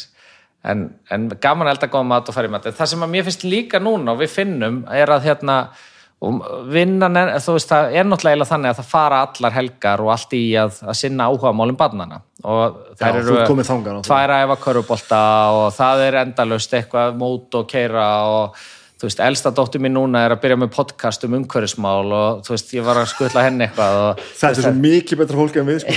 Já, mikið betri en við og, og það sem ég finn líka núna er og við erum að byrja að tala um það ég og, og, og, kona mín er mikið áhuga mannski um hunda, hún ræktar hunda og við um átta hunda. Eða hérna- átta hunda? Já, holy og, hérna, og hún er alltaf mikið í kringum það. Eh, við erum samt farin að finna það núna að við þurfum að fara að finna okkur svona sameilitt áhugamál. Prófum að fara í golf aðeins það var bara einhvern veginn ekki tími til nælur veist, og okkur langar til þess að gera það. Við erum að tala um að fara í gönguferðir og það er svona og þetta finn ég er að byrja að koma. Þegar krakkarnir eru aðeins að eldast að þá byrjar, þá byrjar þetta. Því að það er alveg, ég held að sé hluti af sambandi að fara í gegnum þetta. Þannig að þegar börnin farað heiman að því að ég finn það núna með elstu stelpunar, maður horfi bara á þeir reka frá landi já, að þá þarftu held ég að meðvitað og það höfum við rætt meðvitað er að finna áhugamál sem að tengja okkur saman. Það er fínt að eiga áhugamál sem er í sitt hvort lagi en það þarf líka að vera eitthvað sem við getum unni með saman og hérna og verið saman í. Vegna þess að annars held ég að sé til hætt á að hjón bara verði leið á lífin og reki sitt hvort áttina. já að því að fjölskyldan er ekki lengur svona beinlínis að halda hlutunum saman. því þetta snýr svo mikið um börnin. Þetta Já, já, er já. allt, það snýr allt um börnin og þú veist, fe- ferðalögin eru með börnunum og helgarnar eru með þeim og það er, þú veist, svo allt í einu bara hægt að þau að nenn að tala við okkur. Allt er bara lokn já, allt einu bara, já og líka bara þú veist, og nenn ekkert að hafa mömmu og pappa Nei, með nei, og nei. þú veist, þetta er það, það, sá tími er svona, er að byrja aðeins hjá elstu og svona og, og, og, og maður finnur þetta bara eftir aukast. Og þá má ekki verða einhvern veginn svona tómarum og það held ég að sé hérna, það er hérna það er verkefni sko. Og það er svona næsta verkefni sem að við erum svona byrjuð að, að ræða og ég held að sé holdt öllum að gera það sko og prófa bara hinn og þessa hluti. Þannig að við ætlum að prófa golfið og, og hérna, þú veist, það er eitthvað meira sko. Góður svipur, ég ætlum að prófa, prófa prófa gólfið golfið og við erum að tala um að fara að fara í gönguferðir og þú veist, ég á góða vinkonu sem að var hérna, eh, er núna bæjarfull frá Akranissi, Elsa Lára og hérna var þingmaður og ég sé núna að eftir að krakkarnir þeirra eldust að þá er ég að fylgjast með henn og ég rætti þetta að, að þau eru svona búin að vera að prófa alls konar og þetta held ég að sé þetta, þetta held ég að sé eitthvað sem þarf að gera svolítið meðvita sko. þú aðeins á undan með sko, mín eru fjóra og sex ára sko Já, en yngst annað sex ára þannig að við erum ekki alveg komin nei, stað en það er samt, við finnum að það er svona það er að byrja að skapast aðeins svona svigrum sko Mhm. -hmm. og það er hérna það er hérna uh, og það, ég hlakka bara til að fara í þetta sko sem ég hef ekki gert fyrir tíu árum vegna þess að þá hefur maður bara ekkert þessu áhuga hvað, þú veist, hvað vill þessa já, þetta er er skemmtilegt. Já, hvernig hérna, finnst þér þessi ekki sem slík finnst, eh, ekki bara áttan sem slík finnst þér þetta gaman, það sem mútið að gera núna? Þetta, þetta kostninga brjálaði allt saman. Já mér finnst þetta er, þetta er sirkus sko. Þetta er sirkus en, og mér finnst þetta samt mjög hérna, skemmtilegt sko. Mér finnst mjög gaman að hitta fólk, mér finnst mjög gaman í þessu öllu en þetta er samt ótrúlega líjandi og hérna, maður hittir fjölskylduna lítið og maður verður hérna, þetta er langi dagar og svona en mér finnst þetta rosalega skemmtilegt og mér finnst þetta rosalega gaman að hérna, að ræða þjóðfélagsmál og hvað, hvert straumarnir en svona liggja. leikriti og leikurinn, þú veist öll stætóskílinn það sem stendur hærri þetta og lægri þetta og, og svo er þess að skjóta þennan og þetta er svona og vera að draga upp einhver gömur mál og bla bla bla og Já, það er Nei, nei, það er ekki það er alveg svartir, svartar hliðar líka. Mist minn og minna gaman í þessu svona karpi, sko. Já. Það er, mér finnst bara að þú varst svolítið ságaur. Ég var ságur Er það ekki rétt hjá mér? Ég var bara allan daginn ságur, sko. Hvernig myndur þú svara núna hérna flugsögunni, eins. Ég hugsa ég myndi, já, ég hugsa ég myndi nú svarinni eins, bara vegna þess að það hefur ekkert breyst í sjálfu sér í því máli, sko. ég, ég er ekki kannski að tala um það sem að sko Að nú vinn ég auðlýsingastofu sko Mhm. að, ég man að maður horfði á þetta og bara þetta er ekki alveg leiðin til að segja frá þessu sko. Nei, þetta var hérna, þetta var eitthvað mjög klaufalegt. Ég, ég veit ekki hvort ég myndi svara eitthvað öðruvísi en ég gerði, sko. Það er hérna, en, en ég myndi alltaf að lána jakkafötti mín aftur í skaupið, sko. Það er, en þetta er alveg ótrúlega munur að, að veist, einhvern veginn að sjá hvernig þetta var þá og hvernig þetta er núna þetta er mjög, og Já, bara já. þetta spjall lokar þessu bíli hérna sem að já, já, sem er bara, sem er líka, ég er líka meira stattur bara þar núna að, hérna, búin að sjá að það er að gera svo margt, sko. Það er að gera svo margt í þessu lífi. Já. Og, og það er einhvern veginn, hérna, mér finnst það bara að vera styrkurinn í þessu og, og hérna, og þá, þá nálgastu hlutin líka aðeins öðruvísi. Þú veist, bara þetta tósar í mig þetta verkefni, þetta tósar í mig þessi, mér langar ekkert meir en að vera áfram í þessu ráðandi, mér langar að klára þessi mál. Uh, ég er hins vegar ekkert, ég veit ekki, ég er ekkert einhvern veginn að horfa eitthvað lengra en það, sko. Það er, þú veist, þetta er, og svo liggum við á setja að segja eitthvað sem mann finnst að meir ekki segja sko. Já, en það er samt hérna, þú veist, það tósar alveg sími að prófa bara aðra hluti svo fara, hérna er þetta sagt á þessum vettvangi prófa, prófa aðra hluti þar uh, bara og eitthvað svona ævintýri, sko. Þetta þarf að vera aðeins krefi, krefjandi og, og, og skemmtilegt, sko. býð svona eftir að svo líði svona, svona sjöru viðbútt og fáum við svona þriðju útgáfuna þér Já, ég held samt þessi útgáfa er samt sko hérna, þessi útgáfa er samt svona nær uh, raunveruleikanum sko það er ekkert það er allavega mér finnst það, það er samt þannig að lífið er þannig við eigum alveg að leifa okkur að vera með margar útgáfur. Þá er ég ekkert að meina einhvern veginn að fara í einhverju karakter, karakter skipti eða eitthvað. Heldur bara að elta sjálfan sig. Já. og þú veist ekkert hvert þetta líf tósar þig þú veist ekkert hvað þú verður eftir fimm ár eða átta ár. Og það er, ég meina, ég held bara unga fólki sem fyrir í lífið í dag og svo vorum við að tala um áðan, það er ekkert að hugsa um að fara inn í lífið með eina útgáfa lífinu sko. nei, það, er, það er svo briljant og hárétt sko. það er beauty sko. Já, já. og það er það sem við eigum að leifa okkur að gera og, og ekki ákveða fyrirfram hvernig lífið verður eftir tíu ár sko. Mm -hmm. þá verður það leiðilegt næstu tíu árin annars sem er að gerast í þessu er líka það og ég hef sagt áður hinn einhverju viðtölum að, að hvað sem að við, við, sko, við að, þegar við vorum litlir þá voru sko ráðherrar bara svona gamlir gráir menn sem að voru bara búin að vera eins lengi og, og, og mögulega hægt var það var líka vegna þess að lífi var þannig sko.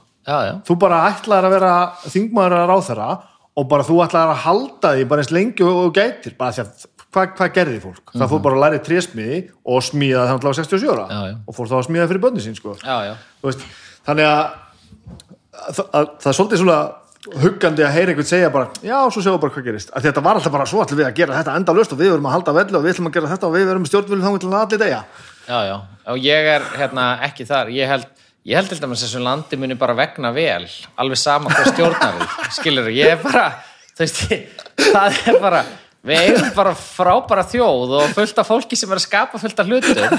Og það er alveg sama hvernig þú veist, og ég hafi þá skoðun að þetta minn flokkur muni hérna, gera það best já, já, þá er það bara svo mikið blekking að halda fram að heimurinn hrinni ef að þú stjórnar ekki og kirkjugardarnir eru fullir af svoleiðis fólki sko.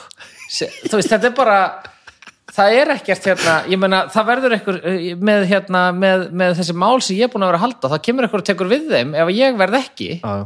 og heimurinn hrinur ekkert þetta mun allt ganga ágætlega sko, skilur við, þú veist það, það, það er mikil sjálfsblekking að halda því fram að, að, að, að og þar var ég alveg í pólitíkinni, ég var alveg þar að segja bara já, ef þetta verður ekki, ef ég er ekki og þetta er svona, þá bara hrinur heimurinn og þetta verður allt saman alveg hræðilegt og, þú veist, og þá bara kemur ekki sumar eftir vorið og, hérna, veist, og þetta er bara, það er bara ágætt fólk í öllum flokkum sko. Já, það er bara ekkit, það er bara ekkit, það er ekkit vond fólk. Og hérna það er bara það er hérna, þú veist, þetta er mér finnst þetta að vera hérna, mér finnst það að vera mikill miskilingur og útbreytur að, að heimurinn hrinni ef að þú stjórnar ekki sjálfur. Trúður þessu eða var þetta bara partur af einhvern veginn? Mm, ég held að hérna, þetta hafi verið, ég held að þetta sé blanda báðu ég held að hérna Uh, og það eru þetta þannig. Ég sko einlega trúi því að, að stefna míns flokks muni verða best fyrir Ísland og, og það sko og, og við eigum að vera með öfluga miðju og allt þetta, ég trúi þessu að, og það er bara mín skoðun en við mögum ekki blekja okkur með því að halda að ef að önnur skoðun verði oná, þá hrinni bara heimurinn, hann verður kannski ekki alveg eins og ég vil hafa hann skiluru, og þess vegna finnst mér ekkert vond í stjórnmálunum að við séum komið fleiri flokka Nei, ok. Að þá leitar þetta líka bara meira jafnvægis umræðan sko. En er ekki eitthvað skrítið að sé að verið að kljúfa sig frá á litlum fossendum endalust? Þegar að þú er svona næstu því sammála, verið þess svona eins og fólk sem næstu því sammála, að hann getur samt ekki hugsað sér að vera undir sömu reglífinni, sko. Jó, það er náttúrulega hérna uh, það er þú, þegar þú velur því stjórnmálaflokk að þá velur aldrei öll málin af því ef þú ætlar að, ef þú ætlar að, hérna, ef þú ætlar að vera í stjórnmálaflokki sem er 100% sammála öllu sem að þínum lífskoðunum, þá ertu bara einn í honum. Þannig hef ég alltaf haldið að þetta væri þar sem ég hef, hef ég alltaf skilað auðu, grínlaust, sko. Já, veist, það ég er að miskila stjórnmál, ég er að fatta að það er, það er er bara en, en, en, en það er samt líka hluti af líðræðinu að þú veist, við eldum ástríð okkar hver sem hún er. Já, og mál sem að einhver eitt brennur fyrir, einhverjum öðrum er kannski alveg samum þau og það, það er bara, það er hluti af þessu. Við erum náttúrulega með, þetta er bara svo ferð á hlaðborð. Þú færðir alltaf eitthvað x á meðan annar fær sér eitthvað uppsilon að borða sko. og, og það er bara hluti af líðræðinu þannig að við mögum aldrei mér finnst við aldrei meg að segja það eru komnir of margir stjórnmálaflokkar eða, eða fólk megi ekki hætta í einum flokki og fara í annan og að þetta er hluti af líðræðisleiri umræðu og einhverju svona og já, og einhverju, grasrót sem þarf að eiga sér stað í samfélaginu. Það er mjög hættulegt ef þetta hættir, finnst mér. Já, þess vegna finnst mér bara alls ekki vond þegar að fólk er að búa til nýja flokka og fólk er fara að segja sína flokka. skoðun og þingmenn er að greiða atkvæði gegn eigin flokki eða eigin ríkistjórn og allt þetta. Mhm. þetta er bara hluti af líðræði en um leið þurfum við að vera tilbúin auðvitað til að gera málamilanir og tala saman og allt þetta. En, en ég hef sagt við þingmenn sem hafa verið á þingi og, og þvert á flokka bara, heyrðu, bara ég er ánægð með ef að þú ert að greiða atkvæði öðruvís en flokkur þinn ef að þú trúir því að sé þannig ef að þú trúir því að þín samviska segi það þá átt að gera það, vegna að það er hluti af dýnamíkinni, það er hluti af líðræði samfélagsins sem að mörg lönd eru bara ekkert með. Heldur að við séum að stefna frekar í þessa átt heldur, en- heldur hérna? Ég held að sem að stefna í miklu fleiri flokka, fjölflokka ríkistjórnir og meiri samvinnu. Um leið og flokkarnir verða fleiri Já. og um leið og hérna uh, leið og þeir verða fleiri uh, og fleiri flokkar þurfa að mynda ríkistjórn þá þurfum við að fara að tala meira saman og þá leitar, leitar hlutinni meira jafnvægis og það er það sem við sjáum oft í norrænum stjórnmálum sko. Þar er, ég menna, ég hef verið að tala við hérna, uh, að verið, ég hef verið í ágætum samskiptum til að mynda við ráðherra í Danmörku og, og Svíþjóð. Þar er til dæmis uh, eins og danski húsnæðismálaráðherran sem að hérna er ágætis vinnu minn, er, er reyndar sósíaldemokrati og í sýsturflokki samfélkingarinnar en bara fín maður.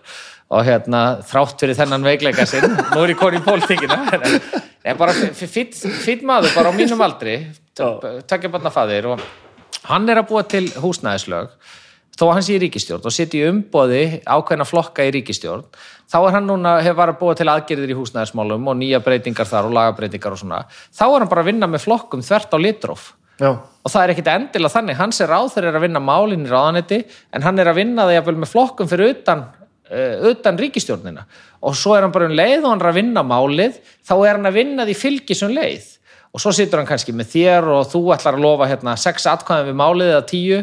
Að þá þarf að breyta þessu aðeins meira svona svo að þú sést sáttur og Já. hinn skilur og þetta þetta held ég að væri íslensku samfélagi alveg holdt að gera að því að við erum öll doltir bjartur í sumarhúsum sko. Við erum, 1000%, og þú veist, sko. og ég var alveg þar líka sko, þú veist, ég var rosalega mikill hérna bara þetta er alltaf það sem að fælir eins og mig frá stjórnmálum hefur gert bara Mhm. á hvað er ég að hlusta ég er bara að hlusta á eitthvað andlit sem er að segja eitthvað forrið sko. ég veit út sirka sammála en þú ert ekki að tala við mig sko. Og nú er ég ekki að tala um þig, ég er að tala um manneskjum á, Já, skjá, já, á skjánum sem er bara svona, og svo er þetta bara svona og maður sér í augunum bara, nei, nei, nei, nei, nei, nei, nei. en vandin alveg rétt hjá þér, en vandin við svona stjórnmál sem eru svona er að það er ekkit sérstaklega auðvelt þegar þú er komin með nýju flokka að ná hilli almennings og ná í gegnum allt kraðarkið sko. Nei, nei. til þess að til þess yfir höfuð að fólk viti hvað flokkarnir allir heita sko, hvað það bara standa fyrir. Þetta er rosalega skóður sko. Þetta er opbóðslegur frumskóður og, og, hérna, og það er hérna, það er kunstin líka í þessu sko. þannig að hérna, um leið og til þess að gera það að þá verða menn að fara í fyrirsagnir og, og hnefa Já, akkurat það, sko. þá komast þeir í fyrirsagnirnar og þá fer, þá fer þú og smellir á fréttina og þá deilur henni og þá fer andstæðingurinn að rífast og allt þetta. En þannig að þetta verður alltaf einhver svona sambland sko, en við þurfum miklu meiri samvinnu inn í, inn í stjórnmálin og það, hérna, það held ég að sé bara styrkur en ekki veikleiki sko. Áhugavert, skemmlega þetta er nú er ég alveg búin að gleyma því að ég sé við erum bara að spjalla þetta. Það á að vera þannig, alveg klálega að nó, nógu til að finna sko Ég heldur sér komin á enda sko. Er það ekki, erum við ekki bara við erum búin að tæma þetta allt? Nei, við erum alls ekki búin að því. En við megum heldur ekki að gera það sko. Þetta var ógeðslega skemmtilegt. Herði, bara gaman að koma og gaman að eiga þetta spjallið hérna. Takk fyrir að tala um mig. Takk fyrir að bjóða mér.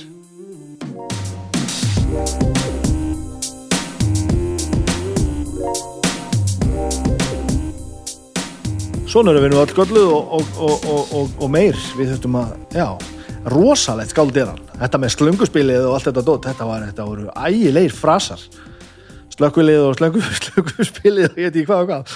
Það var ógeðslega skemmtilegur og gaf sér mikið tíma og var bara einhvern veginn. Mér fannst þetta mjög gaman. Mér fannst þetta mjög, mjög gaman. Það er nú bara þannig. Eh, Þetta er allt skemmtilegt. Ég ætla eins og að fara að hætta þessu. Ég ætla að fara að sækja Agnesi bara í vinnuna held ég kóraðum ekki á hann í kvöld og ég er að fara að spila D&D á morgun og kannski þurfum við pössuna þegar kannski þarf hún að taka meiri dómstag já, er mitt, nú er ég að bara að blæra ykkur á mér hérna. það er eitthvað rágættis, rágættis brú yfir í það. Ég ætla að hvetja ykkur til þess að hlusta á hérna þetta hjá um, hljóðkirkjunni. Það er besta platan á morgun, það er besta platan með Huskardú sem að doktorinn er búin að tala um eiginlega frá því að við byrjuðum bara með þetta fyrir tveimur og ég hafði engar fórsendur til þess að fara að tala eitthvað um Huskardú þannig að nú er haukur viðar komin í minn stól hana og þeir voru ekki lengi að stökkva það að fara að tala um Húskadú besta blæður um Húskadú á morgun og að því að tala um þetta með Agnesi eh, síðasta mánundag þá var annar þáttur það sem Agnes stökk hljópi skariði fyrir, fyrir haug og eða byrnu þannig að síðasta mánundag var Agnes 2.0 í domstegi og ég talaði alltaf mér hérna þannig að mögulega er hún að fara að leysa eitthvað meira. Við sjáum til, ég veit ekki það Um, síðasta laugardag þá voru listamenn að tala um sundlegar top 10 listar ef sundlegar á Íslandi. Það er mjög áhugaverður þáttur. Ég veit ekki hvort ég á að segja að það sé beint þeirra besti. Jú, var okkislega skemmtilegur.